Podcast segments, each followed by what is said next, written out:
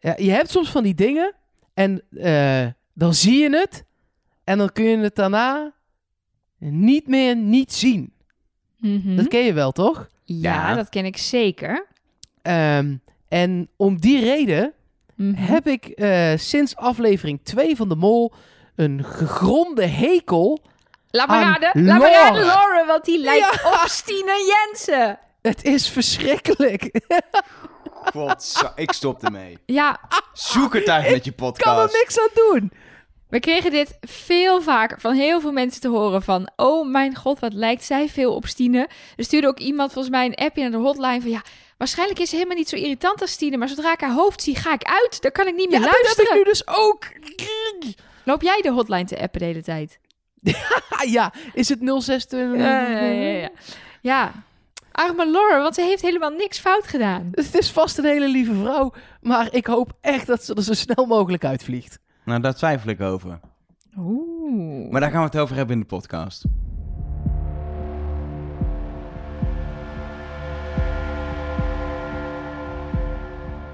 Hallo en welkom bij Trust Nobody, de podcast over de mol met eh, Nelleke Poorthuis. Met Mark Versteden. En Elge van der Wel. Ja, gewoon in Nederland uiteindelijk. Ja, eh, hoe, wat is er gebeurd? Eh, nou, wil je, wil je het verhaal heel kort? Want ik zei natuurlijk Ja. vorige, vorige keer week, eh, zei ik van nou, ik ben voor over een week ben ik in Amerika. Ik ben inderdaad eh, eh, woensdag naar Amerika gevlogen. Eh, de podcast hadden we eerder in de week al opgenomen. Kwam dan nog online, maar hadden we eerder al opgenomen. Woensdag ben ik naar Amerika gevlogen. Daar ben ik woensdagavond aangekomen. En vlak voor ik landde eh, was er ene Donald Trump die een inreisverbod voor Europeanen afkondigde.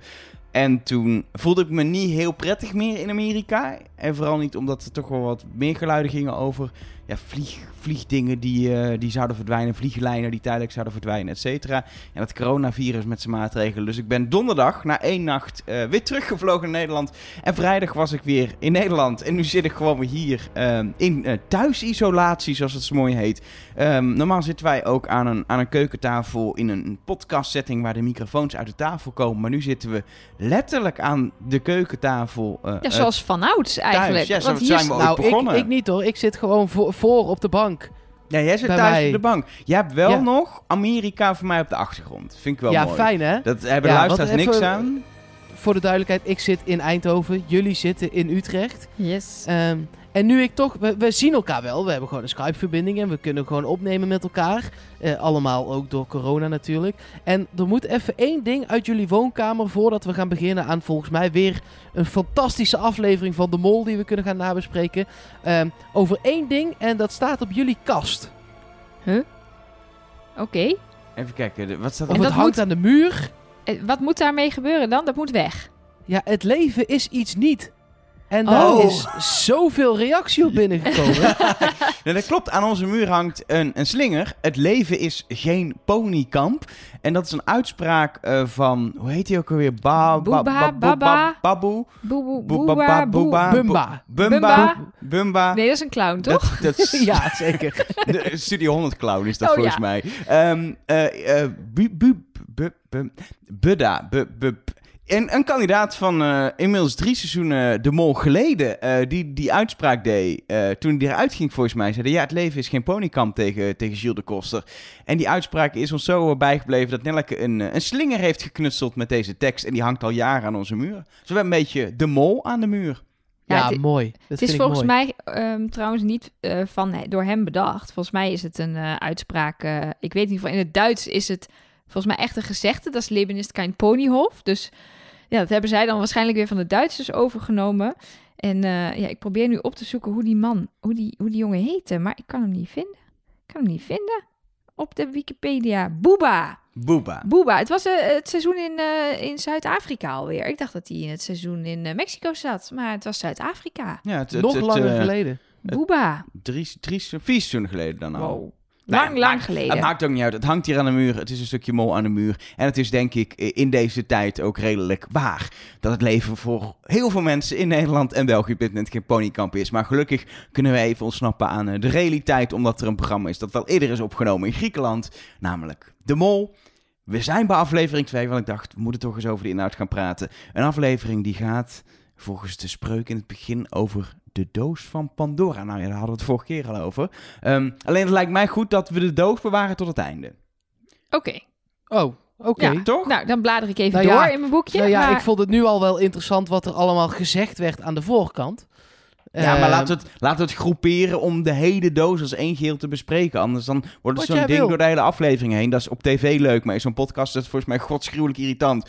Oh, we gaan weer even terug naar de doos, weet je. Daar worden mensen gek Je hebt van. helemaal gelijk, je hebt helemaal gelijk. Dus laten we beginnen gewoon op eh, dag drie in, eh, in, in Parga, eh, nog steeds in Griekenland. Want daar blijven ze denk ik het hele seizoen wel. voor de eerste proef, een proef waarbij, niet normaal, 7000 euro te verdienen was.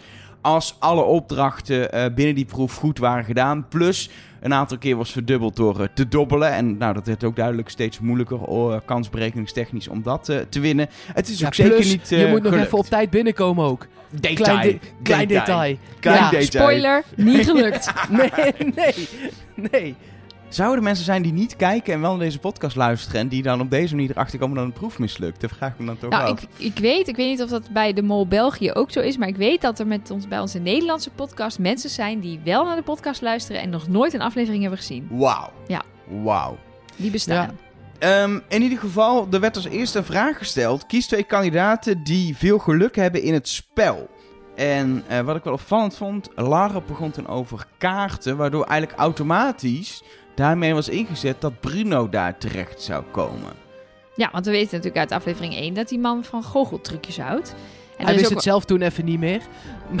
maar wij weten Precies, het wel. wij wel. En hij heeft ook, er is ook nog extra beeldmateriaal verschenen waarin hij nog een goocheltruc doet voor de, voor de, de medekandidaten. Dus dat was echt wel in iedereen's brein gebeiteld. Dat als het iemand is met kaarten, dan moet je bij Bruno zijn. Terwijl natuurlijk er veel beter een andere kandidaat boven had kunnen staan. Namelijk de mol. On- nee, onze verdachte. Dorien. Dorien. Ja. Ja, Ja, natuurlijk. ja, Ze absoluut. wisten toen natuurlijk nog niet dat ze een berg op moesten klimmen. Nou, maar als, ze dat, wel. Ja, als je dat had geweten, dan had je duidelijk de minst eh snel lopende kandidaat, om het netjes eh, te zeggen, had je op die plek gezet. Maar om even terug te gaan naar, de, naar de, de, de, de vraag die we onszelf heel vaak stellen. Waar wil je in deze opdracht staan als mol? Ik vond dat een heel lastig, want je denkt, een sleutelpositie is altijd interessant natuurlijk. Dan kun je bepalen welk kandidaat je inzet. En dan kun je inderdaad misschien kandidaten niet zo goed zijn bij een opdracht inzetten. Dus in de basis dat. Het is alleen best wel lastig omdat je met z'n tweeën bent. Dus je hebt niet alleen een sleutelpositie. Dus dan, dan beperkt het echt wel je molspeelveld. En dan wordt gewoon een opdracht onderweg laten mislukken. Of misschien zelfs twee keer die kans krijgen. Ja, ook wel interessant. Sowieso omdat je onderweg ook nog gewoon in de hand hebt of je uiteindelijk wel op tijd binnenkomt waar het hele vallen of slagen van deze opdracht bij staat. Dus ik denk Ja. dat je gewoon lekker die trap op wil. Dat denk ik ook al, ondanks dat je daar geen zin in hebt. En ik, ik vind ook dat je redelijk uit deze opdracht kunt halen dat dat ook is wat er is gebeurd. Want, eh, nou ja, een van de twee mensen die boven stonden, die is inmiddels naar huis, eh, Bruno. Ehm, en Alina stond daar dan nog naast. Ehm, maar kijk, wat er gebeurde is dat van de 1400 euro die zou zijn opgehaald als ze 2 minuten 21 eerder bovenaan de berg waren geweest, kwam 700, dat is gewoon de helft, door dobbelen. Dus dan Ja. heb je als mol de helft van het opdrachtgeld binnengehaald. Ehm, en nou ja, volgens mij zou je zeker bij die laatste, eh, bij, dat, bij die laatste keer dobbelen, zeg maar, dat ze dat moeten doen met, met eh, eh, acht of hoger was dat. Ja, daar nee, kun zes je of als- hoger. Ja, nee, sorry. nee, acht of hoger. acht of hoger. Ja. Ja, ik kijk Ja. Ja. Ehm, dan kun je dat misschien nog wel zo omlullen dat er dan in ieder geval niet gegooid wordt. Want Ja, maar ik dat vond- is... Die kans is veel kleiner. Dus ik vond het juist mols van Alina om te gaan dobbelen. Dat het uiteindelijk gelukt is. Ja, dat, da- als zij de mol was, heeft ze dan pech gehad. Ja, Ja, ja, die die kans, zit de toch ongeveer werd op de steeds helft? kleiner. Nee, maar je kunt 8, 9, 10, 11 of 12 gooien. Dat zijn Ja. vijf opties. Ja, maar- Tegenover 2, 3, 4, 5, 6, 7 zijn zes opties. Dus het, Het- scheelt maar één. Het is gewoon Ja, nee, ongeveer de maar helft. het, het echte, eh, je gooit namelijk het meest 7 statistisch gezien. Ja. Dus het kantelpunt ligt letterlijk op de 7. En als je Nee, naar de tuurlijk. 8 gaat, dan eh, ga je wel echt dik onder die 50% kans zitten. En niet Nee, niet maar een. Ja, de beetje- kans is niet evenredig verdeeld. Want de kans dat je 12 gooit of 2 gooit is veel kleiner dan de kans dat je 11 of 3 gooit bijvoorbeeld. Nee, dus, tuurlijk. Dus als- zodra je inderdaad rechts van de zeven komt te zitten, zou je statistisch gezien beter niet kunnen gooien. Dus als ik, niet, als ik kandidaat was geweest en ik had daar gestaan, dan had ik bij acht of hoger gezegd: gaan we niet doen. Kans is te oh groot ja, dat maar het ja, ze mislukt. deden het wel en ze wonnen. Ja, Ja, maar ja, daar dus heb je ja. natuurlijk geen invloed op als mol of kandidaat zijnde. Ze zochten maar- kandidaten met geluk in het spel. Nou, daar blijkt dat eh, Alina dat, eh, dat had toen ze gooide. Elke keer ging het precies goed. Dus eigenlijk heb je als mol bovenaan de berg helemaal geen vinger in de pap. Want het is gewoon geluk. Ja, je kan, je kan eh, hele slappe meisjes eh, tegenover een reus laten handdrukken. Dat is wat Ja. je kan doen. Ja, dat kun je doen. Je maar dat kan kun je ook niet bij alle vierde opdrachten doen. Nee. Eh, Het gaat uiteindelijk volgens mij vooral om... kun je onderweg eventueel laten mislukken... of te zorgen dat je te laat aankomt. En bij het laat aankomen is natuurlijk heel bepalend... wat neem je mee aan bagage? Mhm. Wat sjouw je mee? Ik had nu voor het eerst dat wat Nelleke vorige week zoveel, eh, zoveel een aantal keer had. Dat er nu een aantal quotes die ik heel erg van belang vind. buiten beeld gedaan werden. En dat Ja. ik echt goed moest luisteren. En in sommige gevallen ook ben ik er niet achter gekomen wie het nou was. Wie bijvoorbeeld zei. Nee, maar we moeten twee tenten meenemen. Ja, daar ben ik achter gekomen, dat was Bart. Heb ik ook opgeschreven. Bart wilde beide tenten meenemen. Bart zei letterlijk beide tenten moeten mee. Wat achteraf dus bleek niet nodig te zijn, want ze pasten super makkelijk in één tent. Nou, super makkelijk. Er zat geen anderhalf meter afstand per persoon tussen op dit Ja, moment. Ja, Dus dat hard toen nog nodig. niet. Dat hoefde toen nog niet. Maar eh, nee, die, die tweede tent hebben ze wel echt voor nop naar boven gesjouwd. En die was blijkbaar heel zwaar. Ja, d- dat soort gigantische tenten, die wegen wel wat. eh, ook al heb je carbonnen tentstokken en weet ik veel wat. En nog steeds eh, is dat niet niks. Nee, zullen we gewoon de lotse opdracht eh, gaan, gaan doorspreken? Nou, ik wou het eigenlijk eerst even over een hete handtas hebben, als jullie het niet erg Een vinden. hete handtas? Ja, in die auto, op weg naar deze opdracht, begint Doreen ineens over Shield dat het een hete sakosje is. Nou, eh, Welke van de twee shields? ja, dat weet ik dus niet precies. Ik denk dat het over de presentator ging, maar misschien ging het ook over de Shield die weg is. Dat weet ik eigenlijk niet. Sowieso waren het allebei leuke mannen. Maar dat is, nou ja, ik heb dus even bij wat Belgen nagevraagd of een hete chakos, ik heb het gewoon opgezocht, chakos is een handtas, of een hete handtas, of dat een normaal Vlaams ding is. Maar deze Vlamingen zeiden allemaal nee. Nog nooit van gehoord. Ik ben dus wel even nu echt goed Vlaams aan het leren. Want ik weet inmiddels, het valies is een koffer. Een jacos is dus een handtas. Zakkos, wat is een rugzak? Weten we dat? Een backpack? Nee, geen idee. Een backpack. Ja, nee, maar eh, ik hou hem erin. Hete handtas. Elger, Hete. vind je een hete handtas? Een hete handtas. Kunnen we dan nu naar de opdracht? Ja, nu kunnen we naar de ik heb opdracht. een klein beetje braaksel in mijn mond inmiddels. Eh, er mag als eerste worden gedobbeld eh, voor de min of plus vijf minuten. Eh, ja, logisch dat je het doet, want je hoeft een vijf of hoog te gooien. De kans dat je twee, drie of vier gooit is echt klein. Eh, dus dat ging inderdaad ook goed, waardoor er twee uur en vijf minuten was om het, eh, om het uiteindelijk te doen. Nog steeds 2 minuten 24 te kort, maar toch, het was een fijne vijf minuten om te hebben. En toen kwam eh, vrij snel die eerste opdracht, de Griekse goden. Die ja, soort eh, raad welke god het is, waarvan eentje Dimitri Vegas wa- was en de andere Like Mike of zo, zoiets was het. Nee, Afrodite, Apollo en Dimitri Vegas. Ja, maar waar was Like Mike? Wie is dat? Ja, Het is een DJ-duo. Nummer 1 van de wereld. Nou, een Vlaams zal ik even vertellen. Wij hebben het Nederlandse seizoen afgesloten met een blooperstukje aan het einde van de allerlaatste aflevering. En Elger liet ons dat horen van... hey jongens, ik heb een bloopertape gemaakt. Vinden jullie dit leuk? En ik luisterde dat en ik dacht... wat heeft die man afgrijzelijke stokmuziek... uit een of andere online bibliotheek getrokken? Dit is zo'n belediging Maar voor het de was- hele DJ-wereld. Ja, maar het was dus Martin Garrix, een of andere toptrack. Ik vond het niet om aan te horen, maar goed. Dus ik Oh, moet waarschijnlijk ook niet naar Dimitri Vegas gaan luisteren. Nee, als je Martin Garrix al kut vindt, dan eh, is Dimitri Vegas en Like Mike is, eh, zeker niet eh, iets wat je op moet zetten. Oké, maar Maar we goed. kunnen wel even een stukje doen. Wat een takkenherrie. Nee, maar dit was, dit was Like Mike. Oh, dit, dit stukje heeft Like Mike geproduceerd. ja, geen Hoe, idee. doe je, hoe produceer je met z'n tweeën zo'n... Nou, nou, andere, goed. dat is een andere podcast, denk ik. Ja. Ehm, ehm, eh, in ieder geval die Griekse godenopdracht. eh ze konden kiezen hoeveel mensen ze dan inzetten. Ja, moeten we heel uitgebreid bespreken hoe Alina en Bruno tot de mensen kwamen. Is wel interessant op zich. Nou ja, wat ik wel interessant vond, was dat het leken wel oké je mensen hiervoor te zijn. Er stond ook niemand beneden die riep... Nou ja, ik had dit geweten. Ik zit op Griekse mythologie of zo. Bart zei juist alleen maar... Ja. Ja, ik heb alleen maar Latijn gehad en zelfs dat eh, zou me niet lukken. Ehm, ja, en verder, ik zou er denk ik ook voor de middenmoot gaan. Twee mensen neerzetten. Eén is het een grote gok. Want helemaal terug naar start, dat heb je gezien, dat Ja. is best wel pittig. Dus dan maar wat minder geld. Dus Ja. ik vond het eigenlijk wel een logische keus. En ik vond het daarom ook, en, en dat klinkt misschien gek, maar ik vond het daarom ook logische, niet molachtige keuze om voor die min 100 te gaan een aantal keren. Want als mol kun je het eigenlijk veel beter eh, helemaal niet weten. Want Ja. dan moet je terug. Hoe, hoe gek dat ook klinkt. want Er is nu 300 euro uit de pot. Eh, dus je zou zeggen, oh, dat is wel verdacht. Maar eigenlijk is het helemaal niet verdacht. Want teruglopen is veel zwaarder. Zeker voor Doreen, misschien Els. Nou, die is wel fit, maar die is dan wat ouder. Weet je wel, dat zijn mensen die misschien die trap twee keer op helemaal... Ja, gewoon niet overleven. Nee, precies. En helemaal aan het einde bij de verdenkingen van Laura, die, die had het over dat het zo verdacht was van Christian dat hij die tips pakte. En toen zag je inderdaad ook zo heel mooi nog gemonteerd dat hij steeds vroeg, zullen we niet toch een tip pakken? Waardoor het heel verdacht leek. Maar inderdaad, ik ben het met jou eens, Mark. Hij wilde gewoon voorkomen dat je niet terug hoefde. Want teruglopen was veel kwalijker voor de pot. En dan heb je het mis, dan heb je 0 euro. En Ja. je moet terug naar start. Ja, en sowieso eh, is het Christian geweest die gewoon alle drie de antwoorden heeft gegeven. Precies. Want ik weet niet wat Lara ondertussen stond te doen. Ze heeft een keer om een tip gevraagd en een paar keer oh ja geroepen. En dat was het volgens mij. Ja, en dat vond ik wel klopt, maar typisch. Is, is, is het...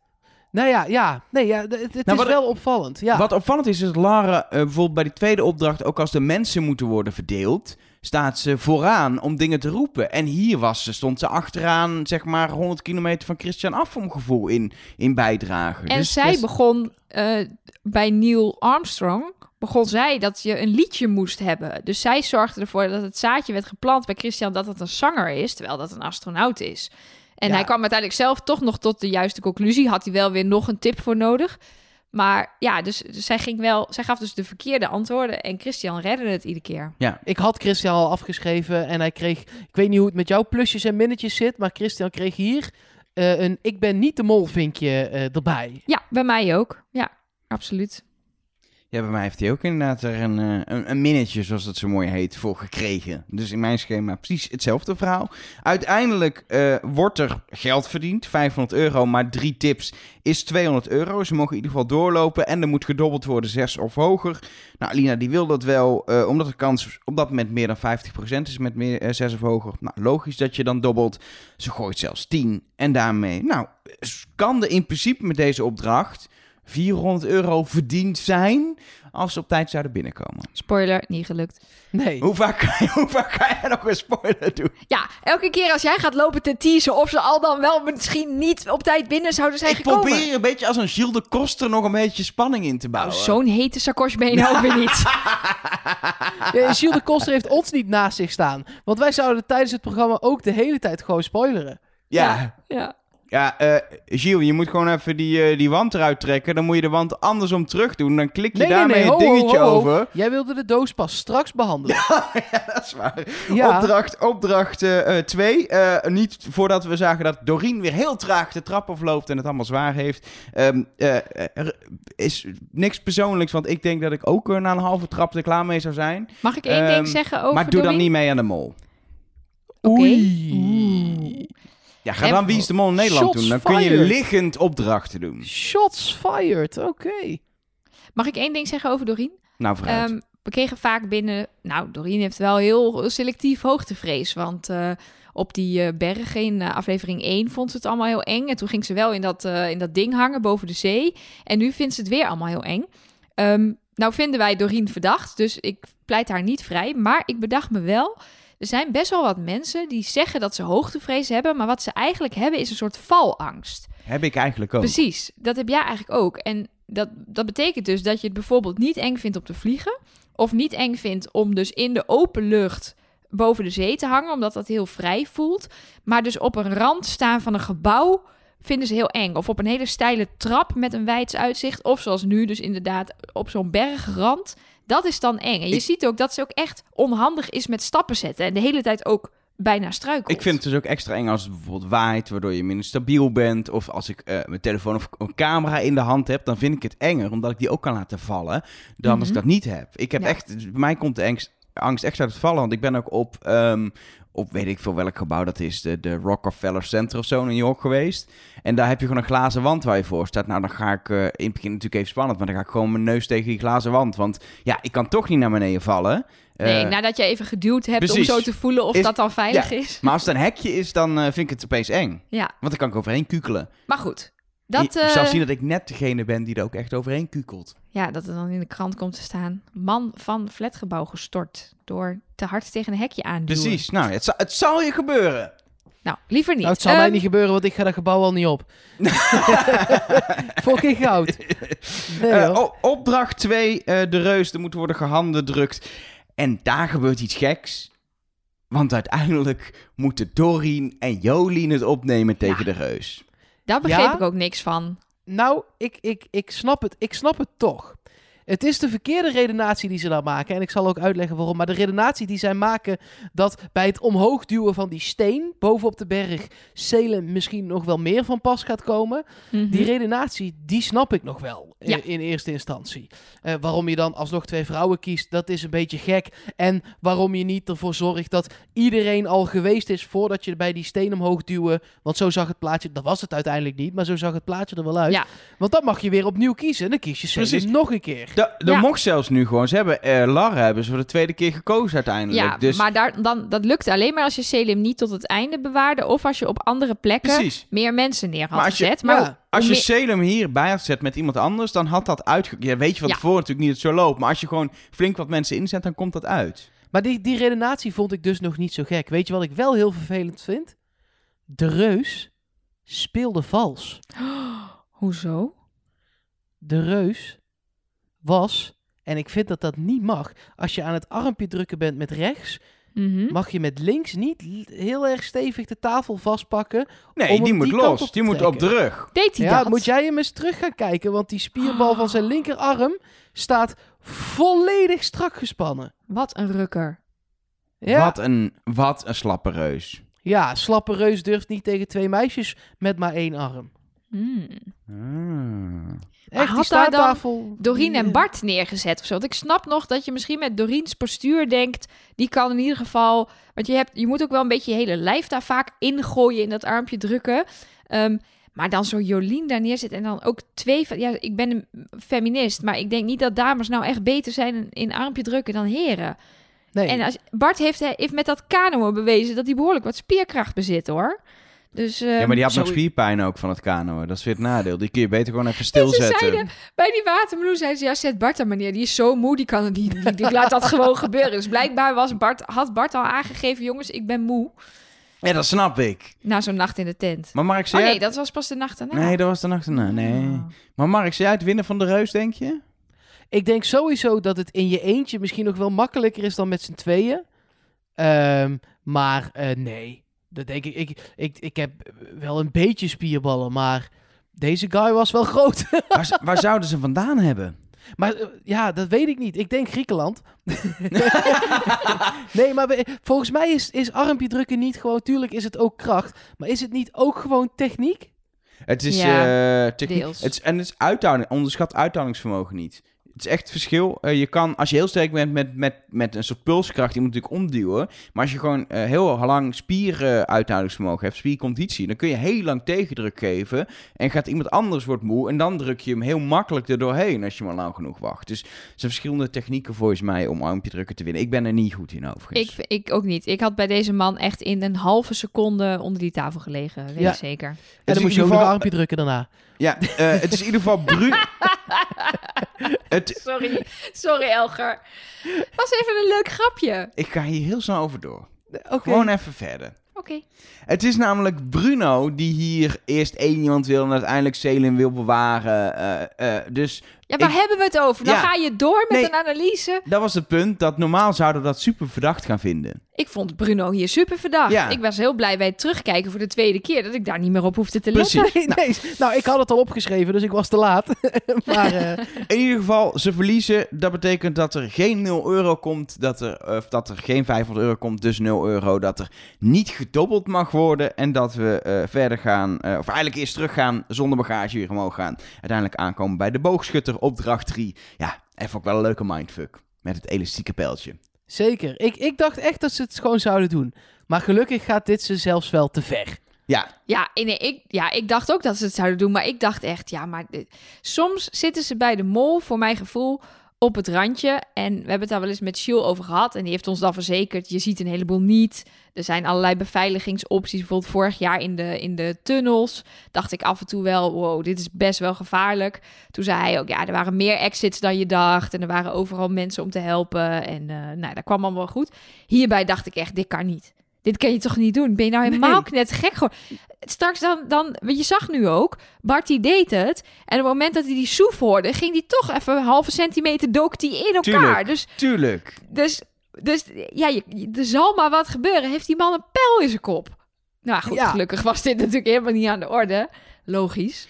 De grote vraag is, is Waar dit... betaalt hij nou zijn huur van? Elke keer als jij in deze podcast zegt, de grote vraag, moet En ik dat denken is vaak. aan, waar betaalt hij nou de huur van? De grote vraag, die blijft altijd.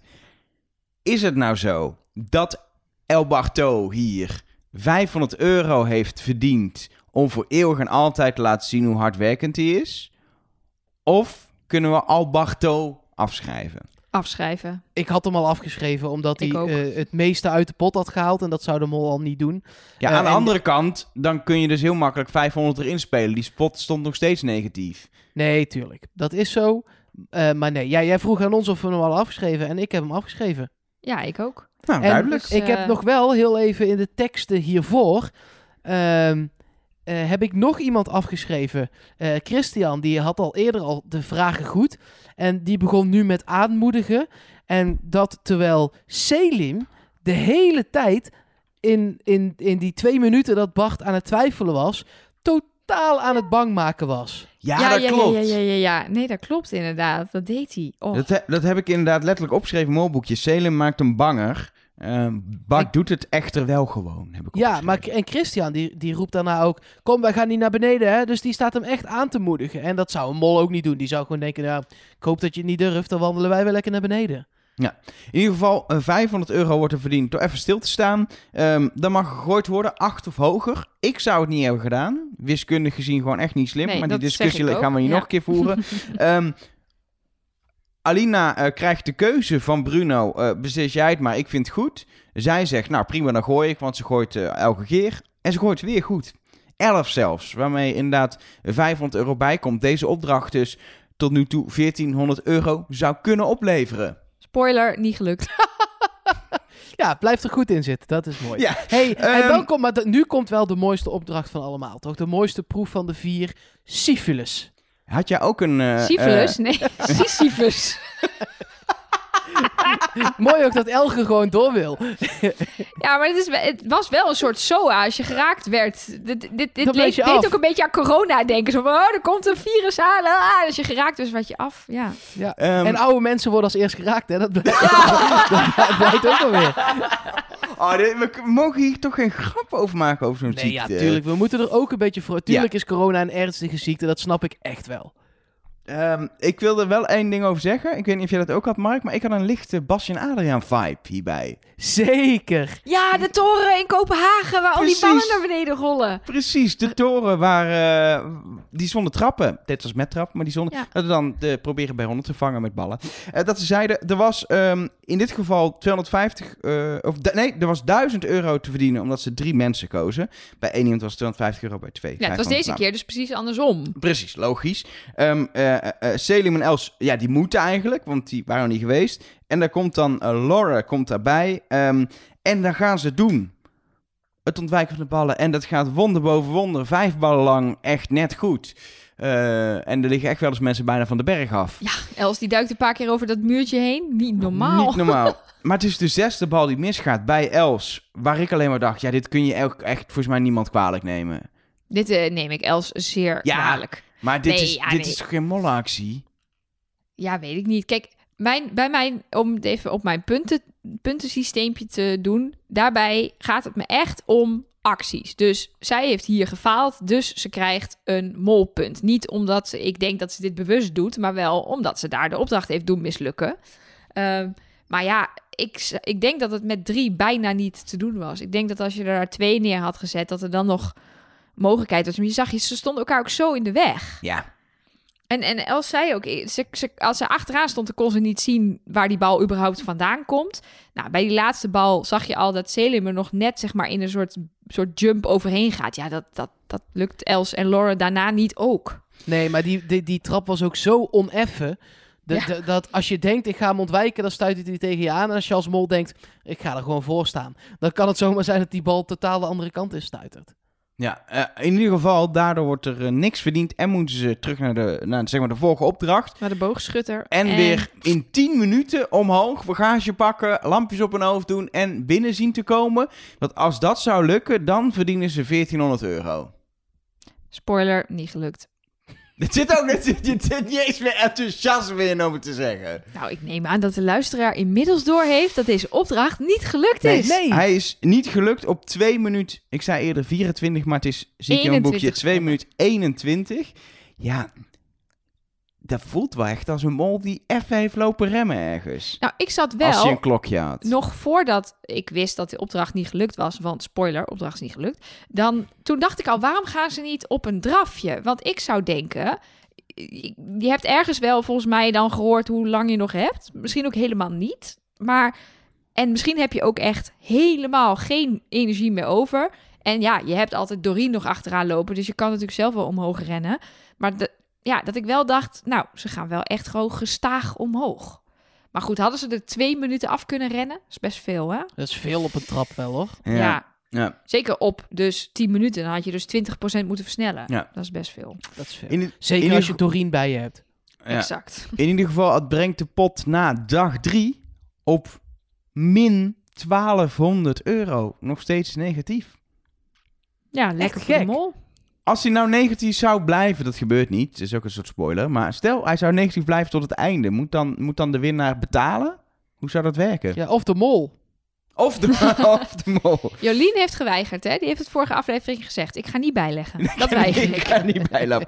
Eh, ze moeten zelf hun tent opzetten in de regen om vervolgens lekker te gaan zuipen. Opeens is ook volgens mij de ellende vergeten. Eten zijn ze inmiddels ook vergeten. Ze gaan gewoon zuipen en gaan allemaal plat. Ja, wij zaten samen te kijken. En jij, Elger, zei, moeten ze niet eten? En ik dacht, wat ben ik blij dat hier geen eetshots in zitten. Nou, al die eetshots in Wie is de Mol, waar je helemaal niks aan hebt, die heel gezellig zijn hoor. Maar waar je, dacht ik, en door. En toen zagen we een of andere bizarre ademhalingsoefening. Ja, het was een hele bijzondere commune die ze daar hadden gecreëerd in ieder Het geval. leek eerder een secte. Ja, ja. maar wat deden ze daar? Nou, in ieder geval Red Bull drinken. Want Ja. dat had Els nog nooit gedaan. En ik zag heel veel pintjes eh, voorbij komen. Ja, ik, wat ik, ik dacht nog bij het eerste setje pintjes, dacht ik, hebben ze die dan ook mee omhoog moeten sjouwen? Maar Ja. dat, dat, dat nee, was dat toch heeft, niet zo? Dat heeft Chill de Koster met de helikopter gedaan. Dat, eh, dat is goed gekomen. Maar ze lagen dus allemaal op elkaars buik in een soort domino-formatie. En dan zei de eerste zei ha en de tweede zei ha ha en de derde zei ha ha ha. Ik, eh, nou ja, als misschien iemand, is dit gewoon iemand iets- van onze luisteraars weet wat voor spel dit is. Misschien of- is dit, wij doen met op de kleuterschool zakdoekje leggen. En misschien doen ze daar haha doorgeven op je buik. Ja, of is het een scoutingspel? Want dit is kamperen, dus dat zou van de scouting vandaan kunnen komen. Of hoe je moet ze er in dat ieder ook geval... alweer in, eh, in België, de scouting? De jeugdbeweging. De jeugdbeweging. Yes. Van de de, jeugdbeweging. Van de jeugdbeweging. Ehm, de volgende ochtend worden ze wakker op dag 4 op, eh, op, ja, of in het dorpje Fradeto. Ehm, en wat wel, wat wel leuk is, is dat ze voordat ze op pad gaan nog even dat uitzicht gaan bekijken. Toen dacht ik wel, oh, ik wil ook naar Griekenland. En dan wil ik ook dat in mijn, met mijn bergschoenen die, die trap op en dan het uitzicht zien. Alleen niet in een tent slapen. Ja, maar dat is alles of niks. Nee, dan, dan laat maar. Ehm, en ze krijgen die ochtend een, eh, een huwelijksuitnodiging eh, om vervolgens naar een locatie van een huwelijksfeest eh, te rijden voor, voor de tweede proef van deze aflevering. Waarbij totaal 4000 euro te verdienen was. Ook weer in allemaal kleine deelopdrachtjes. Maar dit keer als een opdracht gelukt is, dan is die ook gelukt. Mag ik hierbij even een award uitreiken? Ja, Mark zit me nou aan aan te kijken. Die weet precies waar ik het over heb. Voor het aller, allerbeste shot in de geschiedenis van de mol. Misschien wel de Nou. geschiedenis van Wie is de Mol? De geschiedenis van de televisie. Nee, nee, dat is overdreven. Maar hier zat een shot in, jongens. Niet normaal. Ten eerste, eh, waarschijnlijk weten sommige luisteraars waar het over gaat. Maar het begon al met hoe ze... Iemand is een bruiloft aan het voorbereiden. Een tafel aan het dekken. En ze kunnen dat spannend filmen. Er zit gewoon iemand een servetje te vouwen. En ik denk, "Oh, spannend. Dat vond ik al heel mooi. Dan gaat dus een drone, vliegt over dat terrein heen. Die zoomt op een gegeven moment in op een, op een soort spiegel die op tafel ligt. En daarin wordt weer spiegeld de auto's die aankomen rijden. Dus die, dat kan natuurlijk helemaal niet. Maar daardoor duik je een soort van in die tafel. Ben je plotseling op straat. Zie je die auto's aankomen rijden. En daarna vliegt er een drone door een auto heen. Sorry jongens, maar dit is, dit is toch fantastisch? Nou, maar had jij meteen door dat het een drone was ook? Nou, nee, want het voelt alsof je zelf door die auto heen vliegt. Ik had wel echt meteen zoiets van, wat filmen ze dit vet? Oh my god, oh my god, ik ga door die auto heen. En toen dacht ik wel, nou, dit zal een dronecamera zijn, want de cameraman past niet door het raampje heen zo smooth, Ja, denk ik. ik denk dat, ik denk, ik denk dus dat Mark een wasje heeft gedraaid na dit shot. Ja, dat, nee, dit was wel echt een goed shot. En de, de, het, het, het, het, het allermooiste aan het shot is niet is ook dat hij door de auto heen vliegt hoor. Maar dat kan zo'n sportdrone gewoon. Dus als je. Als je dat zegt. Maar, maar het is met een, een, een precisie van timing op het moment dat ze uitstappen. Ja, Vliegt hij erdoor, nog net achter de rug. Ik had het nog het allermooist gevonden als hij ook door die tweede deur schuin was weggevlogen. Maar oké, Ja. hij vloog rechtdoor over het hekje heen. Terwijl ze links onder in de hoek de route naar Gilles aan het afleggen was, zag je die. ja en de stond daar al staan. klaar. Oh, ja, fantastisch. nee, dat, dat was echt. Het was gewoon Respect. echt. Het is niet het beste shot ooit. In de Passion Jawel. zitten vaak nog beter uitgedachte shots wel. Maar dit is wel. Dit is wel hogeschool dronevliegen, ja, zeker. Hogeschool, nou, denk universitair doomvliegen wel. gewoon. Zeker. Dit, deze heeft een, een, een, een doktersgraad, of hoe noem je dat? Ja, en de, Dokter Anders. Hij is gepromoveerd. master, Anders science. dronevlieger. Ehm, in ieder geval laten we het naar de opdracht. Ehm, ik denk overigens dat het huwelijk niet echt was. Dat het zeg maar gewoon... Wat gingen Locals- Georgia en Angelos niet trouwen? Dat locals gevraagd waren of ze dit wilden doen voor... Zou het een proefbruiloft zijn? Ah, zoiets zou kunnen Oh hoor. ja, dat of zou mensen die eerder getrouwd zijn die gewoon nog een keer over hebben gedaan voor de tv of zo. Ik weet het niet. Maar het was niet, het is natuurlijk niet iemands echt. Je gaat niet je bruiloft laten verpesten door Els. Hilaar. Met alle respect. Nou ja, misschien Maar- zijn er mensen. Kijk, ik weet, ik, je- jullie zijn bijvoorbeeld eh, eh, een heel nuchter setje. Stel jullie gaan ooit. Nee, maar jullie zijn niet van de poespas en de. En, en de Nee. Zo ken ik jullie helemaal niet. Ehm, misschien dat dat bij een bruiloft anders wordt, maar dat gaan we dan nog zien. want Ja, we jullie zijn ook nog niet getrouwd, dus... eh, Zouden jullie. Dat, zou- zouden er mensen zijn die, dit, die het leuk vinden? Die denken, nou, dan maken we er een heel event van. En dan gaan er misschien dingen mis. God, dan hebben we toch een mooi verhaal. Was er op onze bruiloft een taart met de verkeerde foto erop. ja, ik zou dit wel leuk vinden. Zeker, Maar zeker als je daar niet hoeft te betalen, want bruiloften zijn echt Nee, heel duur. ja, wat me ook wel grappig zou lijken... is dat dit gewoon blijkt een of andere, zeg maar... van de goede tijd, slechte tijden uit Griekenland... twee acteurs te zijn. Dat die Grieken gewoon precies weten... dit zijn gewoon bekende Grieken. En wij denken, oh, ze hebben twee mensen van de straat geplukt... in een klein dorpje. Maar misschien nog wel belangrijker, wie waren de andere twee bruidstellen op de bruidtaart? Kwamen die van eh 123stokfoto.nl Ja, gewoon of van- punt .gr? Of, eh, of, Gewoon of- van Pinterest gehaald of Ja. zo. Ja. Ja. Maar laten we terug naar de opdracht, want eh, er moet worden verdeeld wie wat, wat doet. En dat is natuurlijk een hele discussie die daar eh, ontstaat met dit kan ik niet, dit wil ik wel. Maar uiteindelijk gaat het best wel snel en smooth. Is het op een gegeven moment verdeeld voor mijn gevoel. Ja, en, maar er is wel in geknipt. Dus ik kon er niet zo heel veel uithalen. Want je, had, het- zei het eerder deze aflevering ook al. Op een gegeven moment deelt Laura, lijkt alsof zij een soort van de taken uitdeelt. Maar het is meer een soort samenvatting. Ja. Een soort van, oké, maar als ik het dus goed begrijp, zijn we nu hierop uitgekomen. Maar dat betekent wel dat je een bepaalde leiding neemt in de groep als je, die, als je dat doet. Dan Ja. pak je even de leiding. Ondanks dat hij misschien dan niet sturend is, is het wel iets wat of in je karakter zit of je wil controle hebben. Maar waarom zou je dat als mol die, die samenvatting dan nog een keer willen doen? Die leiding ja, willen maar pakken? we weten niet of het een samenvatting is. Het zou een samenvatting kunnen zijn. Zo het kan ook vond ik zijn, het oh, ook dan wel is echt klinken hoor. Ja, want iedereen knikte ook gewoon zo. Ja, Ja. dat klopt, dat Klopt, klopt. dat hebben we besproken. Maar wat mij betreft, zou ik zou als mol bij delicatessen of dessert willen zitten. Want? Want daar was bij beide opdrachten 1000 euro te verdienen en dus ook te verspelen. Bij de aperitief maar 500, dus dan heb je maar de helft te verspelen. Ja, en je En kan, bij de- maar je kan ook via de telefoon de dessertopdracht verpesten. Dus kun je uiteindelijk, uiteindelijk 1500 Ah. euro eruit spelen. En bij de special act was er 1500 euro te verdienen, maar je had als één persoon eigenlijk maar invloed op 500 euro, want het ging per persoon. Dus als je dan inderdaad Bruno bij je hebt, die daar als een soort volleerd Griek met zijn handje in zijn vestje tot het einde staat te shinen, ja, dan kan je zelf nog zo slecht dansen, maar dat schiet niet op. Maar inderdaad, wat jij zegt over de aperitiefopdracht, vind ik ook inderdaad wel En die geldt ook, want ik had hem eigenlijk andersom opgeschreven. Ehm, je kunt ook iemand heel erg lang weghouden bij het neerzetten van wijnglazen. Ja. Ja. Oh ja, ja, precies. Je kan ook eh, eh, Els bellen en die eh tien Sorry, minuten... eh, Zei je nou la- roze jurk? Dat is roze, toch? ja, ja, fuchsia, fuchsia, wat is dat voor Dat kleur? gewoon- en, ja, gewoon steeds en vijf keer vragen, hoe zit haar haar? Ja, en dan duurt het lang. Ja, laten we beginnen gewoon met de wijnglazen zelfs. Christian en Els die gaan dat doen. Voor 500 euro moeten ze een champagne-toren van 9 glazen bouwen. Ehm, Negen lagen. negen, eh, sorry, inderdaad 9 lagen, niet glazen. Anders ben je zo klaar. Ja. Het waren 150, 165. 165 glazen. Ehm, en het is Christian die eigenlijk zegt, oh, dan moet het of driehoekig of vierkant. En dan eh, begint Els over rond en dan wordt het uiteindelijk zeshoekig. Ja, Terwijl En- het gewoon driehoekig had moeten zijn. Maar ik vond ze daar allebei verdacht. Want in principe oppert Christian als eerste de driehoek die het zou moeten zijn. Maar hij zegt wel, zullen we driehoek of vierkant doen?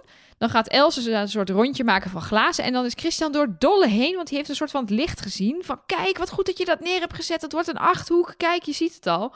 Nou, dat lukte dus voor geen Ja, meter. en ik had hem echt eerst, ze waren al op papier begonnen, maar ik had hem echt helemaal op papier uitgewerkt. Want je 165 en het uittekenen met een driehoek kom je op 1 plus 3 plus 9. Nou, het zo doorrekenen, kijken of dat dan inderdaad op 165 uitkomt. Dat lijkt me wel. Eh, dan ben je eruit en dan weet je dat die klopt. En met die zeshoek had je ook heel snel kunnen berekenen dat het dan dus niet klopt. Omdat die heel snel groter wordt. Eh, dus dat vind ik wel raar dat ze wel een beetje op papier zijn gerekend, maar niet helemaal. En dat ze toen zijn gaan bouwen. Eh, uiteindelijk gaat het niet eens daar echt op mis. Ja, bij het verschuiven wat daardoor ontstaat, gaat het mis. Maar het gaat mis doordat Els een glas kapot laat vallen. En dan is de vraag natuurlijk die iedereen heeft. Was het echt per ongeluk? Of deze tespres? Ja. Nou ja, Ja. en ik zit nog steeds te denken, als je als mol voorkennis hebt over de opdrachten, dan is het wel leuk om dan te zorgen dat Christian bij deze opdracht terechtkomt. Ja, of als je, als je zelf de mol bent, Christian. Dat Ja. is nog een optie dat je Ja. erbij komt te staan. Want dat is natuurlijk echt een vervelende opdracht om te doen als je, als je niet zo groot bent. Ja. Nee, zeker heb je die fles champagne gezien. Ja, Die was Maar groter dan Christian. gro- Ja, maar die was bijna net zo groot als hij zelf. Ik ben toevallig bezig met een theaterstuk dat heet Wijn. En daarin hebben wij ook zo'n gigantische fles eh, als decorstuk. Dat, en die, die is leeg. Dat is een, een speciale lege fles voor op het toneel. Die is al niet te tillen. Gewoon puur door het glas. Maar deze zat ook nog vol met champagne. Ja, dat is niet makkelijk hoor. Nee, dat is zwaar. En ik, ik heb echt respect dat het eh, alsnog gewoon is gelukt om die, die toren lag al. Maar ik heb respect dat het lukt om die, die glazen te vullen. Ja. Ja. Ik vond het wel mooi hoe zenuwachtig eh, eh, ze op een gegeven moment werden toen ook de gasten aankwamen. Die gasten ook Ja. voor het shot een beetje vertwijfeld te kijken. Wat toen die mensen daar... Waarom hebben ze deze kleren aan? Wat gebeurt daar? Weet je, het Ja. was eh, Waarom is grappig. dit niet klaar? Waarom is dit niet af? Ehm, in ieder geval, eh, ik denk dat we door kunnen naar het hoofdgerecht. Bart en Dorien eh, die truffels moeten gaan zoeken. Ja, en volgens mij zien we daar opnieuw het voorbeeld van het feit dat we Bart toch een beetje kunnen afschrijven. Ja, wat mij betreft ook. Eh, ze kiezen de juiste hond. Ze hebben wat moeite, maar uiteindelijk vindt hij een truffel. En zijn ze op tijd terug. Ja, maar niet onbelangrijk daarbij is, is dat het Doreen is die op een gegeven moment zegt... hé, hey, dat is een klein stukje truffel, waardoor je daarmee nee, gaat nee, nee, zo ging testen. het niet helemaal. Jawel, Doreen Nee. zei Nee, toen... zeker we- Bart vraagt eerst heel specifiek, wat is dit? ja, Die pakt dat stukje. En dan zegt Doreen, dat is inderdaad wel truffel. Dus het, Ja, Bart dat- geeft daar wel echt... de al- Nee, maar eh, de- Doreen pakt niet als eerste dat stukje. nee, Ze, nee, ze maar- zegt, ze bevestigt, het is truffel. Dus eh, daaruit kun je echt veel meer concluderen dat het echt vanuit allebei komt. En in, binnen zo'n split second ook, dat, dat je ze eigenlijk allebei zou kunnen afschrijven, zeg maar. Nee, maar dat was ook mijn punt, dat je Doreen hiermee ook kan afschrijven. Of afschrijven is een groot woord, maar dat die, die zou nooit bevestigen als mol toch dat het een stukje truffel is. Of Nee. zeggen, oh, voor mij is het truffel. Dan zou je iemand weg, Ja. weg proberen te krijgen. En ze pakt ook Oh, dat weet ik andere niet. Laten spullen. we, laten we het met iets anders En ze proberen. pakt ook andere spullen en die, die zet ze allemaal opzij. Als zij de mol was geweest, dan had ze bijvoorbeeld dat hond, hondenvoer gepakt of zo. En dan was ze daarmee even gaan kloten. Maar nu zegt ze eigenlijk, ja, hier hebben we niks aan. En wat je als mol heel veel wil doen, is inspelen op fouten van een ander. Dus op het moment dat Bart zegt, ja, die andere honden heten truffel toch niet op, dan zeg je als mol, oh, dat is eigenlijk wel, dat, dat is inderdaad wel een goed ding. Misschien moeten we het niet aan iedereen gaan voeren. Maar zij zijn gewoon, nee joh, dat komt helemaal goed. Dit is hem, deze hond eh, sloeg op de truffel aan, laten we die meenemen. En bleek de goede hond. En Ja. uiteindelijk, na wat commando's leren, vond hij ook gewoon een truffel. En kreeg die was nog op tijd kreeg- ook. Kreeg Doreen een dikke pakkert van de kok. Ik vind het wel knap dat het is gelukt. Want het is best wel lastig volgens mij. Om met zo'n hond op pad en zo. En goede kant op lopen. En het goede commando. En dan... Ja, ik, vond het het knap. Eh, 1000 euro is daarmee eh, verdiend. Ehm, en er kan ook 1000 euro worden verdiend door even de juiste taart op te halen. Nou, even twee uur lopen, sjouwen. Ze vond wel best pittig. Nou, het was geen twee uur sjouwen. Het was een Nee, kwartiertje heen lopen en een kwartiertje teruglopen, volgens mij. Nou, ze hadden twee uur de tijd. Ze waren volgens mij niet heel erg ruim binnen de tijd binnen. Ehm, dus met die taart, die trapjes op en af, Ja, leek dat mij niet makkelijk dat hoor. heeft een half uur geduurd, denk ik, in plaats Ja. van een kwartier. Ehm, in ieder geval drie kleuren taarten, waarbij de vraag was welke het was. Dan moesten ze bellen. En ja, daar ga je toch drie keer kijken. Hoe verloopt dat telefoongesprek? En waar, hoe maken ze volgens een keuze? Want dat lopen, weet je, daar gaat het allemaal niet om. Het gaat om dat ene moment dat er een keuze wordt gemaakt. Ja, wat, ja, ik kon er niet zoveel wijs uit de woorden eigenlijk wie daar nou... Het was een, aan alle kanten, zowel bij Els als bij Laura en Alina... een warrig gesprek waarin ze vooral heel gestrest waren... en heel hard aan het schreeuwen of roepen naar elkaar. Ja, ik vond het eh, verwarrend. Maar ik denk wel dat daar ergens iets niet goed is gegaan. Ja, het punt is dat volgens mij Els best een aardige poging doet. Het is niet zo dat ze het heel slecht omschrijft. Ik, ze, weet je, zij weet ook niet wat zij, dat ze andere foto's zien. Ik had echt wel het dat het oké werd beschreven.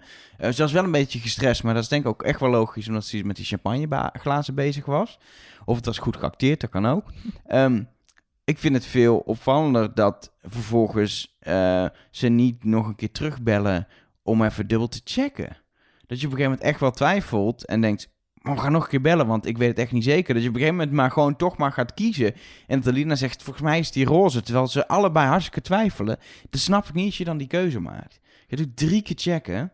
Hoe, wat voor neus heeft ze? Wat voor ogen? Wat zien we nog meer? Weet je, je kan nog zoveel karakteristieken doen, maar ze, ze- ze kiezen gewoon. Misschien mochten ze maar één keer bellen.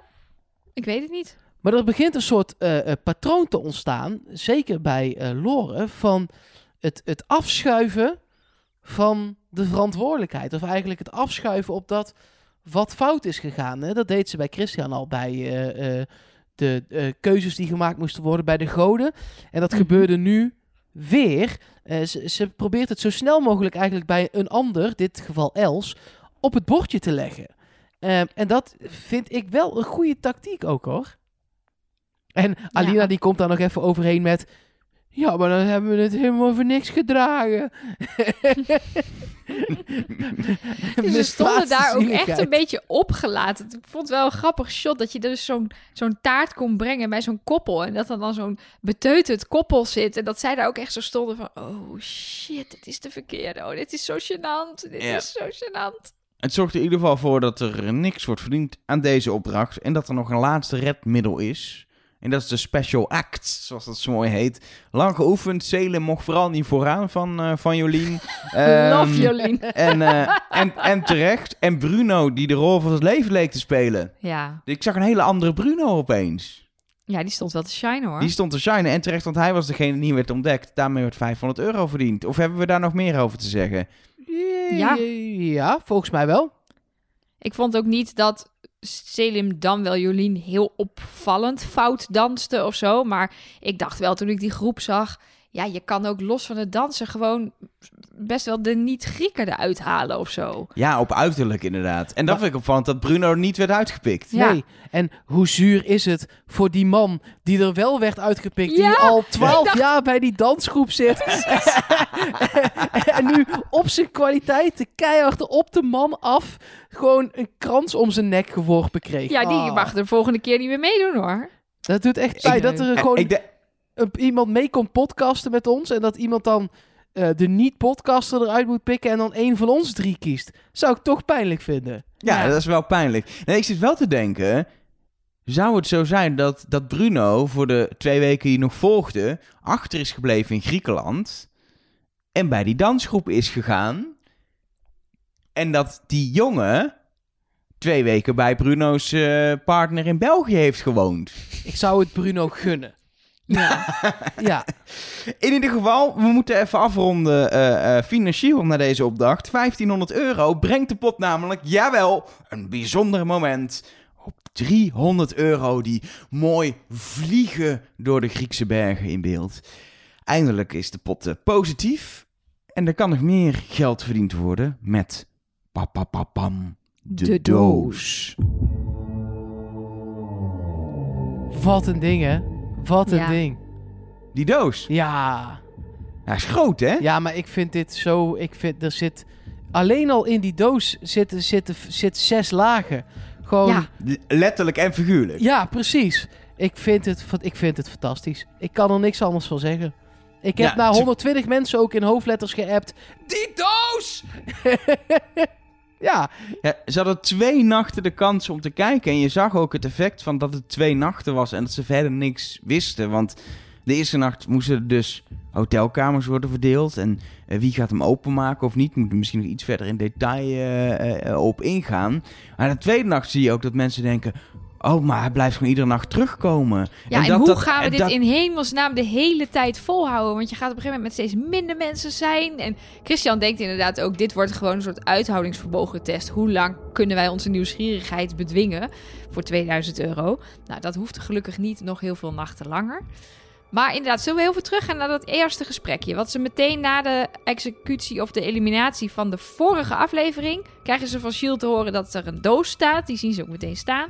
Dan lopen ze er naartoe en dan krijgen ze dus inderdaad te horen dat ze tussen 4 uur en 6 uur s'nachts de doos open gaat, het slot open gaat en dat dan de naam van de mol in die doos zit, dat ze erbij kunnen. Ten eerste, hoe de fuck werkt zo'n slot? Een hangslot dat om 4 uur s'nachts automatisch openspringt? Bestaat dat of was dit gewoon een filmtrucje? Ik denk het laatste. ja, daar ben ik ook bang voor. Shit, oké, nou, dan eh, wil ik niet meer zo'n slot. Ik wou het voor mijn verjaardag vragen. Ik wil wel zo'n doos voor mijn verjaardag. Daar kan ik jou in doen als je ervoor kletst. Nou, dat is toch niet leuk, Elger? We hebben het net nog over trouwen en dat jullie voor eeuwig bij elkaar blijven. en dat het nou onderhand wel eens een keer mag gaan gebeuren, want wij hebben allemaal zin in een feestje. En dan zeg je dit. Er mag voorlopig even niet getrouwd worden, hè, Mark. is niet de bedoeling. Nee, maar dat moet je toch een jaar vooruit plannen. Ja, dat is waar. Anyway, laten we even verder. Nelleke, kijk mij Ja, ik vind het ook niet leuk, je En nog ik wat- ben niet wil je eens nog jou. wat wijn anders? ik klets te veel, hoor ik net, dus ik hou mijn mond. Wat heb ik nou weer gedaan? Elger, neem jij even in je eentje dit gesprek. eh, wat, wat iedereen zei over de doos. Succes. Nou, eh, eigenlijk eh, zegt iedereen wel van ik ga niet kijken, ik wil niet kijken. Behalve Selim, die zegt ik ga ook niet kijken, maar ik, ik ben toch wel heel nieuwsgierig. Dus misschien ga ik toch wel kijken. Ehm, ja, en dan, dan op een gegeven moment is dat gesprek ook afgelopen.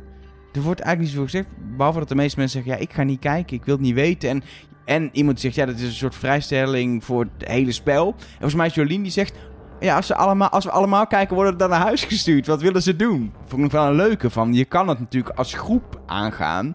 Alleen ja, eh, als dat, als dat erop zou, zou uitdraaien dat iedereen dan weet wie de mol is, dan is wel het hele programma verpest. Dus dat is onhandig.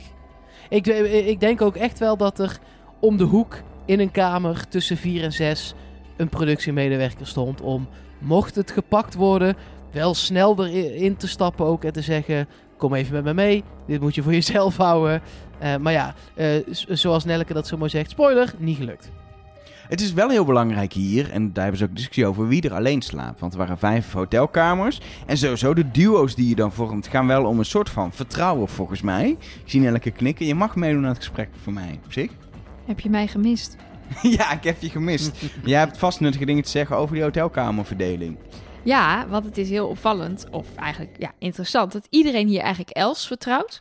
Ehm, die beweert ook, ik ga dat zeker niet open doen. Die zegt zelfs, ik ga er vannacht bovenop zitten. Eh, nou, spoiler heeft ze niet gedaan. Maar ehm, ja, zij, ze vertrouwen haar en ze zeggen, Els, ga jij lekker in je eentje op een kamer zitten. Ehm, Arlina en Doreen, die slapen samen. En die komen op een kamer en die zeggen tegen elkaar, vertrouw jij ze? En die zeggen, nee, ik vertrouw niemand. Ze noemen expliciet Christian, Selim en Bruno, dat die ze niet zouden vertrouwen met de doos. Maar uiteindelijk, de volgende dag, zeggen ze dat ze wel wakker zijn geweest rond die tijd, maar niet zijn gaan kijken. Ja, Nee. dat snap ik dan ook weer niet. Als je dan toch wakker bent, dan ga je toch even op de gang kijken. Ja, ik zou Ja. altijd kijken. En Ja, ik denk zelfs dat ik hem zou openmaken. Oh, en nu, we, ik bedoel, eh, eh, de hele aflevering heeft iedereen gezien. Er hebben twee mensen op wacht gelegen. Ja, dat zou mij Mhm. niet eens tegenhouden. Ik wil Nee? gewoon weten wie de mol is, toch? Ja. Ja, ik- of zou ik- de groepsdruk dan zo sterk zijn dat je dat dan toch niet gaat doen? Nou, ik denk dat, dat je bang bent, want ze, ze hebben het de hele tijd over die grote consequenties die er zijn als je, ze- als je die doos openmaakt. Waarvan we nog steeds niet weten wat het is. Precies, en dat is natuurlijk totaal niet des de mol België. Want normaal gesproken krijgen we altijd wel uiteindelijk te horen wat het is. Dus ik, ik hou mijn hart vast. Ik hoop dat we het nog te horen krijgen. Dat hoop ik ook, want anders ga ik gewoon naar België toe, klop ik bij Gilles de Koster aan en zeg ik, ik wil het nu weten! Maar ze hebben het inderdaad ook met elkaar gehad over wat nou als de consequentie is dat je gewoon meteen naar huis moet. Dus als je dat zaadje eenmaal hebt geplant, van ja, straks is het echt zo dat, dat ik dan gewoon weg moet, omdat ik dan weet wie de mol is, dat dat het addertje onder het gras is. Nou ja, en we weten, weer spoiler, eh, je had waarschijnlijk vrij weinig geweten, want je had dus een envelop gevonden met negen namen erin. En dan dus wel een consequentie gehad. Dus je had jezelf waarschijnlijk achteraf wel voor je kop geslagen. Want je maakt me niet wijs dat er iemand is die het geheime compartiment zou hebben gevonden. Nee joh, want je moest die zijkant eruit doen en terugstoppen waarmee je dan met een pinnetje iets triggert waardoor het open kan schuiven. Nou, daar had je, was je echt niet achter gekomen. Nee, je dacht gewoon, gemaakt, shit, ik ben genaaid. Dat, Ja. Ja, Ja, ik denk dat, dat je dan echt denkt... oh fuck, dit was de mindfuck. Dit En was de ik- doos van Pandora. ik dacht en, al eh, even, er kunnen, kan gewoon zijn dat inderdaad de naam van de mol erin zit en acht andere namen. En toen Gilles daar stond en dat liet zien, dacht zie je wel, ik heb gelijk. Nou. Maar vond ik ook wel ergens heel flauw. Ja, maar daarom was ik zo blij met het geheime Ja. compartiment. Omdat ik dacht, oh ja, ten eerste, ik dacht dat pas heel laat. Ik schrok me helemaal de, de, de, ja, ik wil iets net zeggen, maar ik schrok me gewoon de tyfus. Toen Bruno's De kaartje, syphilis. de syphilis, ik schrok me helemaal de syphilis. Toen hij Bruno's kaartje liet zien. Oh, maar ik wist meteen, toen wist ik meteen, oh, dan zitten alle namen erin. Zodra dat gebeurde, Oh, maar jij bent heel slim. Maar ik dacht, ja, dank is u, toch zo? dank u, dank Maar u. jij Nee, dacht maar ik dacht- Jezus, ze laten het gewoon zien nu. Ja. Nee, ik, toch? nee, ik dacht, nou, dat was Bruno. Exit de mol. Nu wordt er een nieuwe mol gekozen of zo. Ik, ik was gewoon even helemaal flabbergasted. En toen had ik natuurlijk wel een halve seconde later door dat hij een ander kaartje ging pakken. En dat dat dan de oplossing was. Maar als dat alleen was geweest, dan had ik het een beetje een soort van flauw trucje gevonden. Maar door dat geheime compartiment, ja, is het gewoon weer briljant. Eén Hebben ze het gewoon weer geflikt. één ding wat ik nog heel graag wil zeggen over dit is dat zowel in de hotelkamers, waar zelfs twee mensen hebben gewaakt, ehm, als in de tent, waar ook niemand naar buiten is geweest en zelfs met z'n tweeën tegelijk wordt geplast. Ehm, Idee van Els trouwens, om Zeker, dat eh, te gaan zeker. doen. Alle veiligheid eh, voorop. Ehm, en we hebben het ook al wel gezien in de eerste aflevering, waar de mol dan misschien niet opperbest was, maar toch eh, echt wel al het geld heeft opgehaald samen met de groep wat er was. Ook nu, zelfs met Doreen erbij, maar 2 minuut 21. Ehm, de mol gaat het wel moeilijk krijgen, want dit is een hele hechte groep. Ja. Ja, en Het van feit- echt goede fanatieke kandidaten. Ja, want het feit dat het gelukt is om die doos dicht te houden. Ik denk dat die programmamakers dat niet hadden verwacht. Dat ik denk, ik dat ze niet. wel hadden gedacht dat er iemand die doos open zou maken. Ja. Maar wat waren die consequenties dan? Ja. En vinden jullie het kandidatengedrag van Jolien en Lore om te gaan waken? Ja, Of zeker. zit daar nog een dubbele laag in? Nou ja, wat Nee, mij betreft is het inderdaad kandidatengedrag. De mol maar- zegt ook in het, in het allernaaste stukje, daar kunnen we nu ook wel naartoe, denk ik. Eh, Bruno, hij ging eruit. Oei, jullie willen het straks nog weer ellenlang hebben over wie er op wie zit. Dan moeten jullie lekker zelf, dan moeten jullie daar lekker zelf met z'n tweeën maar weten. Maar daarna dan komt de mol en die, die zegt gewoon, nou, ik had wel gewild dat het open ging. Ja, dan Ja. moet je niet waken. Nee, nee, precies. Want de mol zegt het was echt onmogelijk. Ja, dat snap ik. Als daar twee dames onder liggen en jij en niemand anders komt naar buiten, dan kom jij niet als mol als enige naar buiten. Want- hallo. Hallo, Nee. ik ben een mol en ik maak hem open. Ja, Ja. ja ik was wel trots op. Betekent ook wel dat de consequentie. De, ik, ik heb er geen één seconde aan gedacht, maar eh, dat het überhaupt zou kunnen betekenen dat je naar huis moest. Maar de mol zegt, had het misschien zelf wel open willen maken. Dus de consequentie naar huis is dan wel echt onhandig. Ja, Ik denk toch dat het Ja. gewoon heel veel geld heeft, het zou kosten of zo. Heb je een goed punt? De mol maakt dat ding open. Nou, 2000 euro uit de pot en de mol uit het je spel. moet naar huis. Sorry. Ja. Ik denk, Ik denk gewoon dat de pot gehalveerd wordt, de eindpot of zo. Zoiets, Nou ja, Dat- ik denk- zoiets geks. Ai- ik, ik, als ik denk vanuit de programmamaker, dan hebben we nu met die veiling, met die vrijstellingenveiling, al een, een potleegtrekker gehad.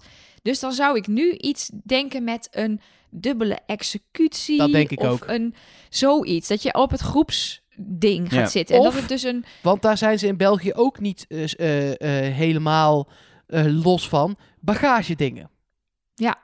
Dat je echt gewoon nooit meer in een hotel slaapt. eh, al je spullen kwijt bent. ehm, Ja. ja, ja. Heftig. Ja, dat zou ook wel pittig zijn. En dan ben Oh, ik van- hoop nog dat we het nog gaan horen. Ja, dat hoop ik ook. Want in, het, in de echte Griekse mythologie is de boos, doos van Pandora is natuurlijk allerlei ellende over de hele wereld uitgestort, inclusief eh, dodelijke ziektes. Zeg maar, dat kan ook gebeurd zijn. Dat, zeg maar, dat hij toch nog opengemaakt is. En dat we daardoor nu in de ellende zitten. Heeft er ooit een soort van omge... Ja, Ja. je weet het niet. Ja, dit was in oktober of zo, toch? Ja, Dus, precies. eh, heeft er ooit een soort van omgekeerde pasvraag in gezeten? Daar zat ik ook nog aan te denken. Dat, dat, dat, dat eh, als, je ze, als je hem openmaakt, dat je dan fout vragen Ja, fout je- krijgt op de test. Je wil iets doen wat de hele groep raakt. Ja, Want dat is dan het ding. Dat het jouw schuld is. Omdat jij je nieuwsgierigheid niet kon bedwingen. Dat iedereen genaaid wordt. Dus of heel veel geld kost het. Of inderdaad je mag alleen nog maar op de grond slapen. En dat is voor Els vooral vervelend. Want die heeft echt een mandje nodig. Omdat ze ouder is.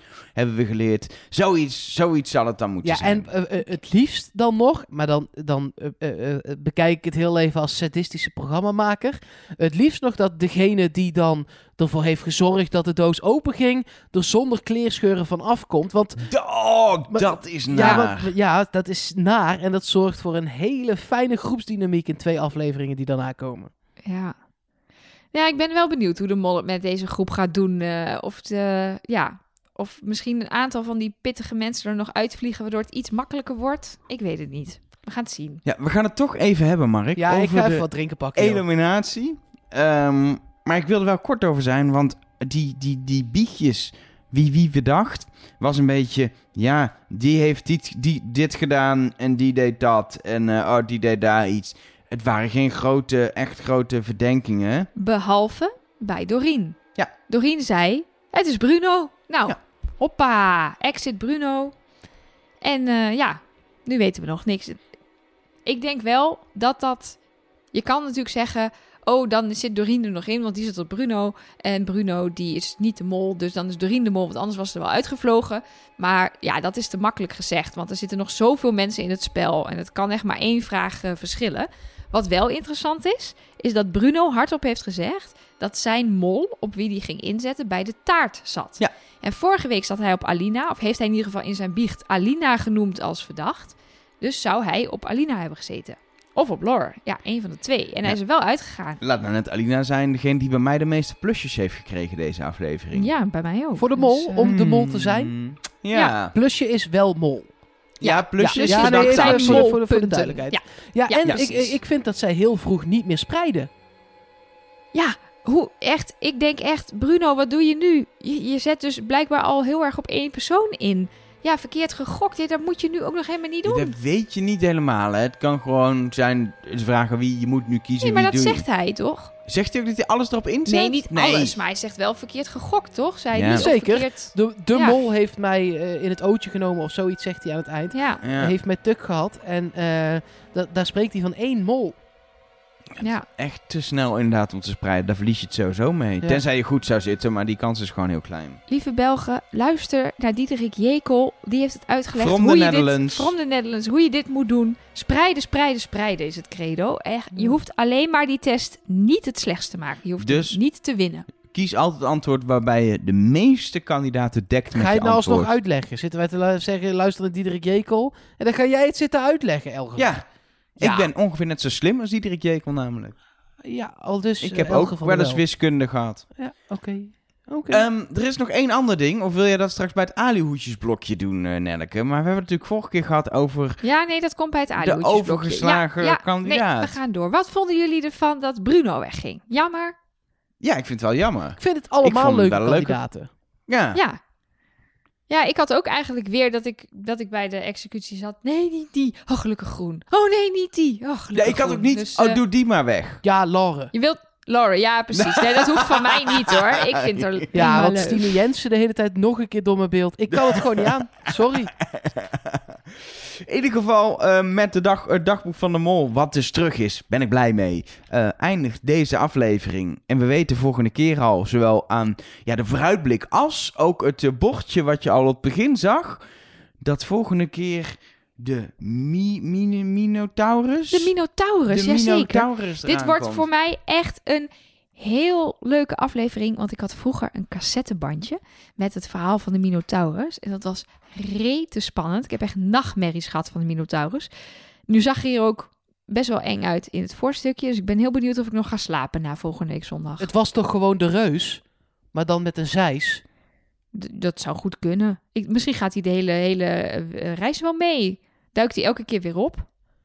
En dat brengt ons bij eh, het onderdeel van de podcast waarin we eh, vragen van jou gaan behandelen. Want eh, jij als luisteraar kunt ons gewoon bereiken via allerlei kanalen.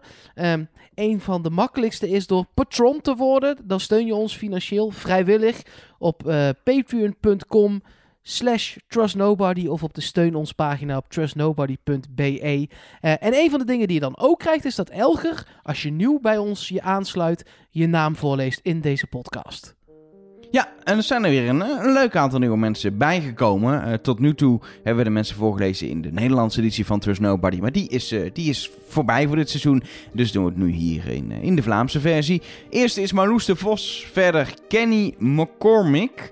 Robert Haaksema. Carlijn. Jorien.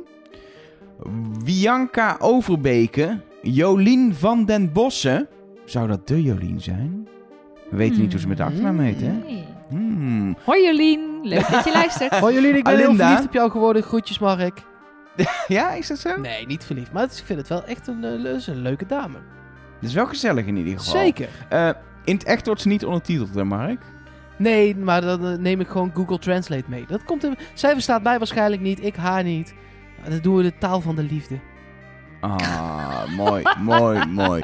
Eh, de laatste die ik nog even wil noemen is ook Piet de Vries. Eh, dank allen. En wil je ons ook steunen, doe dat. Wat je onder andere krijgt, heel cool is, is allemaal interviews met Nederlandse eh, oude deelnemers, kandidaten, de presentators. Dat allemaal klaar, allemaal extra afleveringen. En we hebben vorig jaar ook al Gilles de Koster, Gilles van Bouwel en, en de, ja, het eindtrio, dus de winnaar, verliezer en de mol vorig jaar gesproken. Ook dit jaar gaan we hopelijk weer extra afleveringen maken. Al ja, moeten wel even kijken hoe dat allemaal gaat lopen. Want even langs in België is nu niet zo praktisch. Ehm, dus eh, ja. ik kreeg net een pushbericht van de NOS dat je alleen nog maar naar het buitenland mag als het echt, echt, echt niet anders kan. Nou, Nou, ik vind dat op dit zich- wel echt, echt, echt dit- niet anders kan. Ja, hallo. We are going to interview, eh, weet ik veel welke kandidaat. eh, from de mol. Dus eh, let ons... We hoeven hem niet Engels te praten, hè, als je Nee. naar België Nee. gaat. Nee, dat hoeft helemaal niet. hey, laat ons alsjeblieft door. Ja, We precies. moeten iemand interviewen. Ja. We gaan in ieder geval... En anders gaan we het ook op afstand doen of zo. We doen ook dit op afstand. Dan moeten we ook op afstand wil iemand kunnen interviewen. Zeker. En wat nog meer op afstand is, is de audio-appjes die je naar ons kan sturen via onze hotline. En eh, eh, we hebben weer ook weer veel binnengekregen. Veel, ik vind het leuk dat we steeds meer Nederlanders en ook Vlamingen eh, die naar ons luisteren achter ons scharen dat dit ook heel vet is, het de molseizoen in België. En dat we daar ook gewoon heel veel audio-appjes over binnenkrijgen. Yes, bijvoorbeeld van Emma. Geen idee wanneer jullie de Trust Nobody België gaan opnemen. Nu? Maar ik heb toch een paar gedachten. Eh, ik vond Els nog opvallend. Ze heeft twee keer vrij cruciale fouten gemaakt met die ballen en met de champagneglazen. Nu lijkt het een beetje makkelijk, maar never know. Eh, ik schrok me kapot. Toen ze het kaartje van Bruno eerst lieten zien met die hele spannende muziek en iedereen die opkeek. Eh, gelukkig viel het uiteindelijk mee, was het niet de mol. En ik ben erg blij dat het dagboek weer terug is. Oké, zie in de volgende aflevering. Doei! Nou, nog iemand die zich kapot is geschrokken van Bruno's kaartje. Ja, you- you're not alone. En Els, inderdaad, ik hoor meer mensen ook, zie ik in, eh, in de appjes, ook op social media, over Els. Els, ja, twee keer inderdaad wel eh, eh, degene die zorgt dat er eh, geen geld verdiend wordt bij een opdracht. Maar ook wel twee keer heel erg, voor mijn gevoel, toch wel per. Of ze kan heel goed stuntelig acteren, of het is gewoon domme pech. En dit is de aflevering waarin je Els gaat verdenken doordat ze twee keer domme pech heeft. Zij heeft wel in haar voorstelvideo gezegd: ik zou de mol kunnen zijn, omdat mensen thuis denken dat ik dat niet kan. Dus daar, dat doet mij wel denken dat ze dus soms een beetje zo wa- wa- is. Dat het dus van zichzelf iemand is waarvan je denkt, als je die zou kennen, dat je dan zou zeggen, nou, Els is een schat van een mens, maar die kan niet de mol zijn. Precies, en dan heeft ze op dat moment nog niet eens Red Bull op. Nee, nou, toen ze eenmaal Red Bull op had, was ze helemaal niet meer te houden. Dus ehm, ja, volgende appje is van Marion. Want ik ben echt net begonnen met het kijken van de tweede aflevering van De Mol. En Elger heeft gewoon gelijk. Doos van Pandora, hij heeft gewoon gelijk. Dat, dat, dat, dat was gewoon de doos. Mark en Nelke waren nog wel sceptisch. Maar eh, ja, Elger heeft gewoon al twee keer gelijk. In, in, in wat, drie dagen tijd of zo. Eerst de Nederlandse Mol, heeft hij gewoon goed. Nu de doos van Pandora. Misschien is het tijd dat we de rollen om gaan draaien. Dat, dat gewoon de man is. En dat... eh, Elga en Nelke op de blaren moeten zetten. Wat vinden jullie? Ja, ze appte er nog achteraan dat ze dus bedoelt dat Mark en ik nu op de blaren moeten gaan zitten. En dat jij de man bent, Elga. Ja, nou, ik kan me hierin vinden. Ik Ja, ook Hoe hoor. voelt die rol? Ja, ik, ik moet even wennen. Want ik ben eh, van oudsher eh degene die zeker ook in Nederland nooit weet wie de mol is. En nu heb ik dit seizoen, afgelopen seizoen in Nederland, de mol goed gehad. Het afgelopen weekend was, eh, was de ontknoping. Ja, dat voelde al wel lekker en een beetje gek. Maar dat ook die doos van Pandora gewoon allemaal goed voorspeld had. Dat ik ook al weet dat volgende keer de Minotaurus in- is. En dat ik er achter ben dat Lara de mol is. Is toch gewoon een lekker gevoel, jongens. Laura, ja? gewoon een Mark te fucken. Hmm. Dan blijft ze de hele, hele serie in. Is toch fijn? Oh ja, dat is Dan waar. kan Mark op een gegeven moment echt gaan klagen. Echt Aan het in. begin van iedere podcast. Oh, ze was weer bezig. Oh, het was weer Nee, irritant. want zij is gewoon een leuke Het enige- Lauren. Maar het enige wat die vrouw doet is op Stine Jensen lijken qua uiterlijk. Daar kan zij toch niks aan Nee, doen? Nee. maar het is wel kut. Nou, we hebben nog één audio-appje. En eh, dat is een vraag van Peter. Mij viel iets op bij eh, het kijken naar het stukje dat de test wordt gemaakt door de kandidaten. Bijna elke kandidaat noemde wel een verdachte. En ik had het idee dat we dat eigenlijk in de Vlaamse versie echt amper hoorden eh, vorige seizoenen. Kan dit misschien betekenen dat eh, nog niemand op het juiste spoor zit? Dus dat ze dan allemaal dingen laten zien die toch niet kloppen? Of zijn ze gewoon van eh, strategie veranderd? Ja, ik heb even mijn molboekje van vorig jaar erbij gepakt. En ik heb dit even vergeleken. En deze eliminatie kwamen er zeven mensen aan het woord met een soort van verdenking. En dat waren vaak bij vorig seizoen er maar vijf. Dus ik kan me voorstellen dat het voelt alsof er meer verdenkingen zijn uitgesproken, omdat er gewoon meer mensen iets zeiden. Maar wat ze zeiden, was eigenlijk, ja, wat ik net ook al zei, eigenlijk heeft alleen Doreen heel erg uitgesproken dat, dat zij Bruno verdenkt. Maar wat er volgens mij gebeurt, is dat aan die mensen wordt gevraagd: wat heb je vandaag allemaal gezien? Wie deed er verdachte dingen? Want je hoort ze allemaal dingen zeggen als: ja, Els was bij de glazen niet zo handig bezig. Maar verdenkt Christian dan echt Els? Of is dat een analyse van zijn gedrag? Precies. Dus Lara nog- vertelt gewoon dat Christian, eh, Christian dat hij een extra tip wilde eh, openen. Ja, Ja, dat vertelt ze, want het is gebeurd. En dat knip je dan in, in, een, in zo'n test. Alsof, het, oh, alsof ze helemaal 100 punten alles op Christian heeft gezet. Maar dat weet je helemaal niet. Nee, dus daarom denk ik dat je hier nog meer moet, echt moet luisteren naar iemand die zegt: Mijn hoofdverdachte is Bruno, zoals Doreen deze aflevering zei. Of eh, zoals Bruno zei: Mijn mol zat bij de taart. Dan weet je iets. En de rest, daar luister ik gewoon niet naar. Daar, daar moeten we gewoon echt niet op afgaan. En eh, ja, het gebeurt inderdaad bij de mol wel vaker dat we eigenlijk helemaal niet goed weten wie wie nou precies verdacht. En dat dat pas soms aan het einde een beetje weet hoe het zit. Ehm, dus dat is een van de dingen waar ze juist wat minder duidelijk in zijn dan eh, de Nederlandse. Zal ik mailtjes eh, eh, erbij pakken? Dit waren denk ik de audio-appjes wel, hè? Zeker, Ja. ja, leuk. Er zijn ook dingen binnengekomen, nou niet alleen via de mail, maar ook via de hotline, maar dan in tekst. Jules Bollioli bijvoorbeeld heeft een bericht daarheen gestuurd. Ehm, die zegt, ik doe detectiesport met mijn hond. Dingen zoeken, denk ik. Ehm, en het is wel mooi, die zat eh, eh, live mee te sturen terwijl die aan het kijken was. En ehm, er wordt dan gezegd, ik zou een stuk truffel op de grond leggen en met de honden één voor één er langs lopen en kijken welke een melding geeft. Meestal zit of ligt, soms blaffen of graven met de poot. En even daarna komt het berichtje, oh, ze hebben een goeie. Die zou de mol nooit kiezen. Ja, Nee, dat zou de man inderdaad niet doen. Die zou lekker met de verkeerde hond op pad gaan. oké. dus als je verstand hebt van honden en je weet een beetje hoe je honden moet, moet trainen en, en vooral detectiehonden, dan doe je het dus op die manier. Maar eigenlijk is het dus met het stukje truffel langs gaan, is nog niet eens zo'n heel Niet slecht eens een idee. heel gek ding. Nee. Nee, dus onze minnetjes bij Doreen en Bart zijn eh, ook door, eh, wat was het nou, Suus Bolly Wolly? Jules Bolly Olly. Julie, Jules Bolly Wolly goedgekeurd. Nou, Eh, Tof. Dan Nicolette ook via tekst in de hotline. Ehm, zat ook in Nederland goed. Gefeliciteerd daarmee. Ehm, misschien wel een klein beetje overmoed daardoor gekregen, want die is nu al vol de Christian-tunnel ingeschoten. Wat deed hij nou bij die glazen toen Els wegliep? Zij denkt dat zij hem heeft zien rommelen op de plek waar later het glas van Els viel. Dat is eigenlijk de conclusie van het berichtje. ja, ik heb dat even teruggekeken. Ehm, en hij doet daar inderdaad iets raars. Hij haalt onder, van de onderste laag een glas weg. En ik snap ook Hmm. niet waarom. Dat glas stond daar volgens mij prima. Omdat ze meer glazen bovenop moesten zetten. Ze waren op, toch? Oh, waren ze toen al op? Dat was volgens mij het punt dat ze Hmm. zeg maar achterkwamen. Oh, we hebben pas zes lagen. We moeten er negen. Eh, dan moeten we onderweg gaan halen en bovenbij bouwen. Ja, Denk ik hoor. Dat is een beetje mijn conclusie. Nou ik heb ja, niet heel erg goed gekeken. tegen die tunnel in pleit ook dat volgens mij, voor zover ik het kon zien, het een andere hoek is dan waar uiteindelijk de glazen van Els eh, kapot vallen. Maar dat, dat, ze, ze hebben het helemaal rondom gefilmd, dus af en toe ben ik ook een beetje kwijt welke hoek Jammer dat nou ze niet met de drone door de glazen zijn gevlogen. Dat was Dat wel was leuk. nou leuk geweest. En En dan vallen ze denk heel ik. duur ook. Ja. ja. Dan eh, een mailtje van Relinde. Dat eh, is eh, naar mol@trustnobody.be gegaan. Ehm wordt gezegd, hopelijk kan Elger ook na de Mol België nog genieten van de winst. Iedereen gunt jou de, de, de tweede naam. Daar ben ik wel blij ook. mee. Dat is fijn. Over drie weken vindt iedereen me vreselijk arrogant, eh, verwend jong. Maar nu eh, feliciteert iedereen me nog. Ja.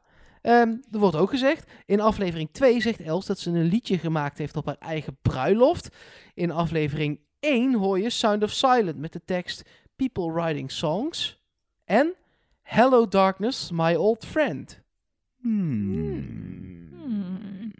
Ik heb nog een andere muziekhint zo meteen in mijn eh, Oh. aluhoedjesblokje. Oké, oké. Daar past dit niet helemaal bij, want die, die hint gaat over iemand anders, maar ook over de muziek. Het was wel weer opvallend, eh, Hmm. deze aflevering. Nog meer binnengekomen, maar... Ehm, ja, voor, voornamelijk eh, een aantal verdenkingen. Mensen die op Doreen zitten. eh, mensen die eh, via onze Instagram laten weten. Eh, dat is @trustnobodycast. ehm, dat ze op Alina zitten. Ehm, de, de, de, de verdenkingen spreiden nog heel erg wijd. Is het tijd dat ik mijn aluminium hoedje op mag zetten, Ja, jongens? graag. Zeker. Nou, dat lukt niet, want die ligt in de studio en ik zit in thuisisolatie. maar ik heb er natuurlijk zelf weer even eentje gevouwen, want eh, een rol aluminiumfolie, die hadden we nog wel liggen. Waren er Ehm, niet eh, gehamsterd in de supermarkt? Nee, nee joh, dat was allemaal nog eh, volledig op voorraad. Wat moeten mensen nou met aluminium in Nou, deze hoedjes, tijd? hoedjes vouwen tegen dat virus. Ja, dat werkt niet, jongens. Even disclaimer, luister naar het RIVM en niet naar mensen die zeggen dat aluminium hoedjes helpen. Hoe heet het Vlaams RIVM? Dat weet ik niet. Je moet bij Vlaanderen naar de nieuwslezers luisteren. Die leggen het heel goed uit, zag ik in een filmpje. Ik heb inderdaad op mijn Facebook een filmpje gedeeld. En toen vroeg iemand, en heb ik ook op Twitter gedeeld, en toen vroeg iemand, goh, kijk je alleen nog maar Vlaamse televisie? Dacht, Ja, nou, dat is veel beter dan Nederlandse televisie. Rustig, rustig jongens. Ik kijk trouwens helemaal geen televisie, ik kijk alleen nog maar de mol via 4.be. Dus is dat dan televisie? Mm. nee. Goed, On, on demand. Hoe heet dat in België? On demand? Want ze doen daar niks Engels natuurlijk. Op verzoek. Op verzoek op televisie. verzoek kijken. Kijk jij ook op verzoek, Mark? Zeker, altijd. Alleen maar, constant. Alleen maar op verzoek. hey, nee, maar ik heb dus hints. Ik heb dus eh, verborgen tips, eh, Zit, aanwijzingen. zit Mark nou stiekem Frozen 2 te kijken tijdens de opname? Nee, hoezo dat nou Op weer? verzoek? Wat komt dit nou weer vandaan? We zitten Ja, ik heb dit- in een aluhoedjesblokje. Ja, maar ik heb het idee dat er stiekem een film bij jou op staat. Nee, nee, er staat helemaal niks op. Ik zit gewoon al twee uur naar jullie te kijken. Is voor niemand leuk. Nee, zeker niet. We maken niet voor niks een podcast en hebben geen YouTube-kanaal. Dat is bewust. En dat blijft zo. Theorieën. Aluhoedjes. Oké, ehm, dit hebben we van veel mensen te horen gekregen. En jij tipte hier ne- net ook al over, Elger. Er is iets met de alfabetische volgorde bij de eliminatie. Ja. Vorige week begonnen ze netjes bij de A, maar toen sloegen ze Els over. Dus toen gingen ze van Alina naar Bart, naar Bruno, naar Christian, naar Doreen. En toen moest Gilles naar huis. Ja. Dus ze sloegen Els over. De vijfde kandidaat werd overgeslagen. Yes. Nu gingen ze eigenlijk verder naar Gilles. Dus ze begonnen met Jorien, Laure, Salim, Ze sloegen Alina over, toen Bart en toen Bruno. En die moest naar huis. Dus ze sloegen deze keer de vierde over. Of, ja, wat kun je, ik, ik heb het idee dat dit misschien een hint is die doorloopt. Dus misschien zijn het wel de A en de E die we moeten onthouden. Of in andere volgorde, de E en de A. Komen er uiteindelijk letters uit die een woord vormen? Of moet je weer van hun naam de laatste letters nemen? Of misschien moet je inderdaad die getallen bij elkaar optellen? Of misschien betekent het wel helemaal niks. Maar Of- het is sowieso opvallend. Wordt iedere keer iemand overgeslagen die niet de mol is. Zou natuurlijk ook nog kunnen. Dat je zo één voor één uiteindelijk erachter komt. Nee, dat kan niet. Want er zijn twee mensen uit die niet overgeslagen worden. Dus hoe sla je op een gegeven moment nog mensen Nee, over? dan ben je klaar. Dan weten we het over Ja. drie afleveringen. Nou, dat Ja. zou ik wel een keer lekker vinden. dat je gewoon zeker weet. Ja. Kun je heel relaxed kijken opeens. Het is in ieder geval iets wat ik zeker in de gaten hou. En met die, met die ja, 4, 5 of AE kan ik nu nog niks. Of EA. Maar laten we het in de gaten houden. En ook oproep aan luisteraars. Zien jullie ergens anders iets met alfabet dingen? Laat het dan zeker weten. Want met dat hele alfa-omega gedoe denk ik dat een alfabet nog wel eens een eh, manier kan zijn waarop we moeten gaan Nou zoeken. ja, de titels zijn dus niet... Wij dachten dat aflevering 2 beta zou gaan heten. Ja, nee, maar dat was dus niet Maar zo dat was, dus daar Nee. is het al geschrapt. Dat is waar. Ehm, en er waren ook mensen die zeiden: ja, vorig jaar zat er ook een hint in de eliminatie. Dat klopt. Zouden ze dat dan daarom dit jaar niet doen? Misschien juist wel, want het jaar daarvoor zat er ook een hint in de eliminatie. Dus misschien is het wel gewoon een soort van ehm, ehm, een, ja, traditie die ze dan voortzetten. Ehm, en dan die muziekhint waar ik het net over had. Ehm, Joris die appte ons dat via de hotline. Hij had samen met zijn zusje zitten speuren. En hij heeft eigenlijk een muziekhint vorige aflevering gevonden en nu weer één. En die verwijzen allemaal naar Lore. Lore, Nee. Lore, Lore. Lore. Ehm, namelijk, in het eerste aflevering hoorde je veel muziek die ging over alleen zijn. Eh, My Life Alone van Whitney Houston zat daarin. Maar ook Lonesome Town van Ricky Nelson. En ook nog stond er op die banden van de knijter Hyper Aqua Extreme Push Push. Daar stond op solo op die banden. Nou, en hij zegt... Ik vind het niet kunnen dat jij dat, de naam uitspreekt en hem helemaal fout doet. Er is maar één man die Oh, weet hoe de dingen heet en dat is Mike maar ik kijk met alle liefde toe hoe het eruit gaat, jongens. Want het is natuurlijk gewoon de Aqua Turbo, Super Turbo, Extra Extra Blaster Knijterblaster. Powerjet Knijterblaster. Dat had je nu inmiddels toch moeten weten, Nelleke? Ja, sorry. sorry. Ik, had, ik had het even niet meegeschreven de vorige keer. Nee, dat geeft niks. Alles meeschrijven altijd en Behalve dan dit dat. niet. Nee, knijter. Ik heb alleen knijter onthouden. Lekker woord toch? Maar goed, ehm, dat, dat viel hun dus op. Overal alleen en solo. En Laure zegt namelijk in haar voorstelvideo dat de rol van de mol eenzaam is. Dus dat was eigenlijk de eerste keer dat hij dacht: hé, hey, de muziek zou naar haar kunnen wijzen. Maar wat was dan dit keer het ding? Dit keer gaan we weer zingen en weer een liedje in iemands hoofd planten. Ja hoor, Nou, toen. niet. Oké, toen de ehm, doos eh, in beeld was en volgens mij tijdens het waken, ik weet niet precies welk stukje het was, was zat de muziek Somebody's Watching Me. Somebody's watching. Oh, dat was heel vals. Oh, wat erg. Nou goed, dat dus. We snappen het punt. Ehm, dat zat in de aflevering. Ehm, en dat was dus in. Oh ja, dat was juist in beeld toen Laura die doos zat te bekijken. Toen zij daar lag. Dus dat was de- Somebody's watching. Somebody's watching me. Namelijk de mol misschien. Dus het idee van Joris is: we houden het in de gaten. Als we nou elke aflevering een muziekhint naar haar kunnen vinden. Nou, dan hebben we misschien de mol wel Hmm. eh, ontdekt. Oké. Nou, dan heb ik nog een laatste, derde uitsmijterhint. Eh die eh, werd mij getipt door Mark de Nijs. Hij is de beheerder van de Mollengroep Facebookpagina. Een hele leuke Facebookpagina met allemaal Vlaamse mollenvangers. Broer van Sven Nijs, hè? Nee, dit is de Nijs. Mark de Nijs. Oh, nee, oké. is- de zoon van Rob. Nee, ook niet. Denk ik. Nee, natuurlijk niet. Je weet het niet. Je weet het niet met die man.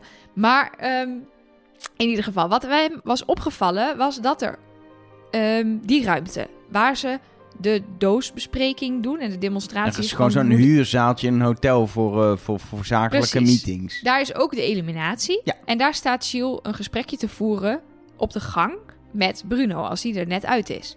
Op de deur van, dat, van die zaal staat Pandora in het Grieks. Echt? Oh. Zeker.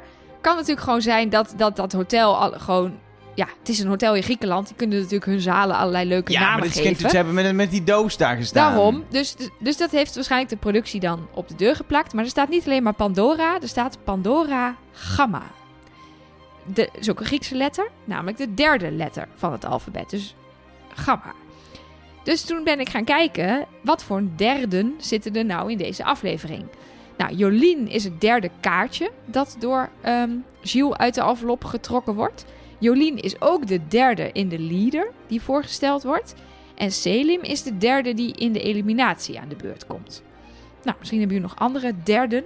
Ik vind het het meest logisch wel dat het de derde zijn die eruit gehaald wordt door Gilles uit de envelop in, Ja, de, in, de, staat- in de doos. Nou Natuurlijk ja. Pandora, dus het Weet zal ik niet. het gaat, het- in die zaal is de eliminatie toch? Ja, maar ook de presentatie, de, de ontknoping van de doos is in dezelfde zaal. Ja. Ja, dus dan, vind ik dat bij dat beide zo'n allebei hele rare kan. lamp. Het moet dan Ja. wel gaan over iets wat in die zaal gebeurt. Dat zou het mooiste zijn. Dus dan vind ik Ja. zowel Jolien die op dat kaartje staat als Selim die als derde aan de beurt is bij de eliminatie, vind ik allebei goed kunnen. Vond ik wel een interessante Hmm. hint. Ja. En er is echt door mensen nog veel meer gevonden. Maar ik hou het hier even bij. Eh, ga ook vooral zelf op zoek in de krochten van het internet. Naar allerlei leuke uh, aluhoedjes-theorieën. ja, want volgens mij ehm, zijn we op het punt gekomen dat de vraag gesteld moet worden. En ja, ik weet niet hoe het met jullie zit, maar ik ben heel benieuwd naar eh, ook mijn eigen antwoord nog. Oh, Laat ik het zo wil zeggen. je dan als laatst? Ja, ik ga wel als laatst, want ik kan nog even nadenken. Die vraag is namelijk, hoe heet de mol?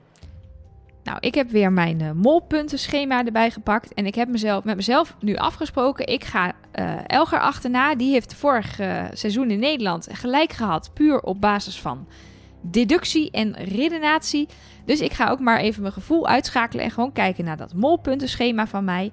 Kort gezegd, als je verdachte dingen doet, krijg je een plusje. Als je niet verdachte dingen doet, krijg je een minnetje. En ik heb dus eh, plusjes en minnetjes uitgedeeld. En die weer opgeteld en afgetrokken bij de score van vorige week. Ehm, en dan komen er eigenlijk drie mensen naar voren. Doreen, niet omdat ze deze aflevering zo verdacht was, maar omdat ze dus de vorige aflevering mega verdacht was. Alina en Els. En dan ga ik toch voor Alina, want die heeft deze aflevering de meeste plusjes. Dus mijn mol is Alina. Oké. Mark. Ehm, ik eh, eh, ben iets meer nog steeds toch wel op het geld, want er is nu wel degelijk eh, wat opgehaald. Gaan we dit, deze week ook een follow the money schema zien? Ja, we zitten pas net in de plus, maar het kan. Het kan. ik weet het Nee. niet wat jij eh, wil. Ja, Kan ik dat mensen beloven op de site? Of zeg je, nee. wacht nog even tot ik volgende ga week? hem maken en als ik hem niet heel lelijk vind, want eh, het komt vanuit de min en nu de plus in en dat vind ik allemaal wel lelijk rekenen. Maar zeg nooit nooit. Zullen we het daarop houden? Oké. Zeg nooit Oh, nooit. spannend. Ja. Spoiler gaat niks worden. nou, dat zou zomaar kunnen. Ehm, ik heb een aantal mensen definitief afgeschreven. Eén daarvan is Bruno. Wauw, Ja. wauw, echt, echt. Dankjewel. Jij bent echt goed Lekker bezig. spel. Dankjewel, Wauw. dankjewel. Dit wou ik graag volhouden tot het einde en dan, dan- dan komt het vast goed. Ehm, ja, en Bart en Christian heb ik ook wel echt afgeschreven. Maar dat zijn de, de enige twee die nog in het spel zitten waarvan ik denk... Ja, die kunnen het haast niet zijn. Ehm, ik heb nog een aantal, eh, aantal twijfelgevallen. Lor, Jolien. Maar de, drie mensen steken er toch bovenuit. Dat zijn Doreen. eh, toch nog steeds, want die wil ik niet te snel weer afschrijven na de, de- inderdaad die eerste aflevering. Eh, Els, want die, dat kan haast niet dat je zo onhandig bent. En degene waar ik voor ga kiezen is Selim. Oh, Selim is de mol. Hij doet heel erg zijn best bij de Pandora-box om eigenlijk als enige tussen hele starre acht andere mensen nog een soort van vertwijfeling te zaaien met... Nou, ik kan niet beloven dat ik niet ga kijken. Hij eh, zaait angst bij Bart als hij de meloen op zijn hoofd zet. En zo zijn er wel meer van dat soort momentjes dat hij het echt wel probeert, maar dat het op dit moment gewoon nog niet lukt. Ehm, En daar waar jullie zeiden dat hem niks kwalijk te nemen viel bij die laatste bal. Hij springt natuurlijk wel op het allerlaatste moment net voor de neus van Els omhoog. Tuurlijk, ik ben er dingetjes bij aan het zoeken, want dat doe je in een klein tunneltje. Maar ehm, ik vond het vooral verdacht dat hij wel echt probeert te manipuleren. maar dat het nog niet lukt. En dat zie je ook aan de score tot nu toe. Hè? Eh, eh, ik, ik ben gaan kijken naar mollen die het echt wel proberen, maar waarbij het nog niet helemaal lukt. En het kan Alina ook prima zijn, zeker. Els verwacht ik zelf wat minder, maar, maar ik ga voor nu voor Selim. Ja, en wat ook wel interessant is, is dat hij eh, nog de minste aantallen plusjes of minnetjes bij mij heeft gehad. Omdat hij dus niet zo heel veel concreets doet. Ik kan niet keihard zeggen, oh ja, daar Ik heb- doet hij iets om hem Ik af heb te precies schrijven. hetzelfde. Ja, en, eh, het- Of daar doet hij iets heel verdacht. Dat had ik dus ook. Hij komt eigenlijk Ja. helemaal niet in voor. En toen ging ik voor de tweede keer terugkijken. En als je bijvoorbeeld gaat kijken ehm, wie er als eerste boven komt bij de trappen, dan is dat Selim. Als je ehm, gaat kijken naar eh, wie er qua plek in de groep de hele tijd toch echt wel de leiding lijkt te nemen door of voorop te lopen of midden in de groep te staan, maar dat we dat niet zien, is dat Selim. En dat vind ik ook wel verdacht. Nou, Elger, kom er maar in. Ja, ehm, ik zat vorige keer eh, op Doreen, maar dat zaten we allemaal. En ehm, ik, ik denk dat ik gewoon even blijf zitten. En dat heeft ermee te maken dat ik vind dat je niet zo all over the place altijd moet switchen als je het niet zeker weet. En ze is een beetje minder verdacht geworden door die opdracht eh, met, eh, met het zoeken naar de truffels. Maar eh, ja, bij die trap heeft ze wel gewoon de typische traagse Doreen gedaan. waarmee ze die opdracht hebben verloren. Ehm, ja, verder heeft ze niet zoveel gedaan in de hele aflevering. Ehm, het punt is dat ik Alina inderdaad heel veel plusjes heb gegeven. Maar ook wel heel opvallend weer heel aanwezig is nu. Hetzelfde geldt eigenlijk voor Els. Iets te aanwezig allebei. En dat zijn echt de grote plusjes die ik heb uitgedeeld. En een beetje, ik heb wel een klein beetje Laura. Dat, eh, die, eh, ik krijg geen hoogte van haar. Ze is ook niet heel aanwezig. En als ze aanwezig is, is de ene keer heel aanwezig en de andere keer op cruciale momenten weer totaal niet. Dus er klopt iets niet. Dus die begint wel in mijn verdachte hoekje te ontstaan. Maar ik denk, ik blijf nog een weekje bij Doreen. Maar wie weet dat ik volgende week wel richting Laura ga. Of weer heel iemand anders. Ja, wat ik bij Aline nog wel. eh, ehm, wat, haar, de, wat de doorslag heeft gegeven om niet voor haar te kiezen. Is toch dat dobbelen. Want zij heeft daar echt Mhm. fantastisch staan dobbelen. True. Maar ja, daar heb je geen invloed op. Het is vooral Nee, maar dat eh, wil je dus niet als mol. kansberekening. Je wil wel Nee, invloed ja, hebben. precies. Je wil, lekker, je wil lekker Bruno laten dobbelen en invloed hebben dat er gedobbeld wordt. Zodat je, je wil meelopen. Ik in- geloof niet dat de mol daar boven stond. Nee. Nee, dat hebben we al besproken, dat denk ik ook. Anyway, volgens mij eh, zit het er voor nu op. Maar eh, zondag is er weer een aflevering van De Mol. Gaan we gewoon weer genieten. We hebben alle tijd in onze thuisisolatie om weer drie keer terug te kijken. En dan zijn we de volgende week donderdag met een nieuwe aflevering van Trust Nobody. En Tot met die- de Minotaurus. En met de Minotaurus. Eh, tot die tijd, deel het vooral deze podcast met vrienden. Zeker als je vrienden in Vlaanderen hebt. Daar kennen heel veel mensen ons nog niet. Tip ons eens als eh, je vrienden hebt die de mol kijken. Dat het leuk is om hier naar eh, te luisteren. Zouden we leuk vinden, wat meer eh, Vlaamse luisteraars. En een andere hele leuke manier om eh, te zorgen dat er iets meer mensen kennis met te maken is. eh, door het een soort van door te vertellen via het internet. Je kan namelijk een recensie achterlaten in de podcast-app van Apple. En we vroegen vorige Ja. keer om dat te doen met eh, Vlaamse woorden. Ik pak er even eentje bij. Het Vlaamse woord voor neefje, Heb ik gezien. Kozijntje. kozijntje. Oh, wat leuk. Dat ja, is toch een raam? Kozijn. en ik, ik weet niet of jij eh, nu... eh, kijk, kijk eens onder je shirt. Heb jij last van okselvijvers, Mark? Dus onder je oksel inderdaad. Dat zijn ik? zweetplekken. Ja, nee. Ja. Nee, valt mee. Vijvers. En je hebt ook nog een tegelplakker. Dat is schuifelen. Ja, dan De- blijf je op zo de met, dansvloer. ja, met je voeten op de vloer Nee, blijven. maar dat Oh. mag niet. Je moet anderhalf, anderhalf meter afstand houden op dit moment. Nou, de meeste pubers die schuifelen hebben zeker anderhalve meter tussen. Oh ja, dat is zo op je schouder zo. Ja, ja, ja, ja. Maar dat is wat leukste Vlaamse woorden die ons werden gedeeld eh, in die recensie. Ik denk, ik deel ze even. Eh, dank voor het delen. Laat vooral een recensie achter via de podcast-app van Apple. En zet daar ook gewoon in waar je zelf zin in hebt. Precies. Mag Bedenk ik wat leuks. Groet aan je moeder, vind ik ook allemaal prima. Voor nu bedankt voor het luisteren. En tot volgende week. Trust nobody. Who the hell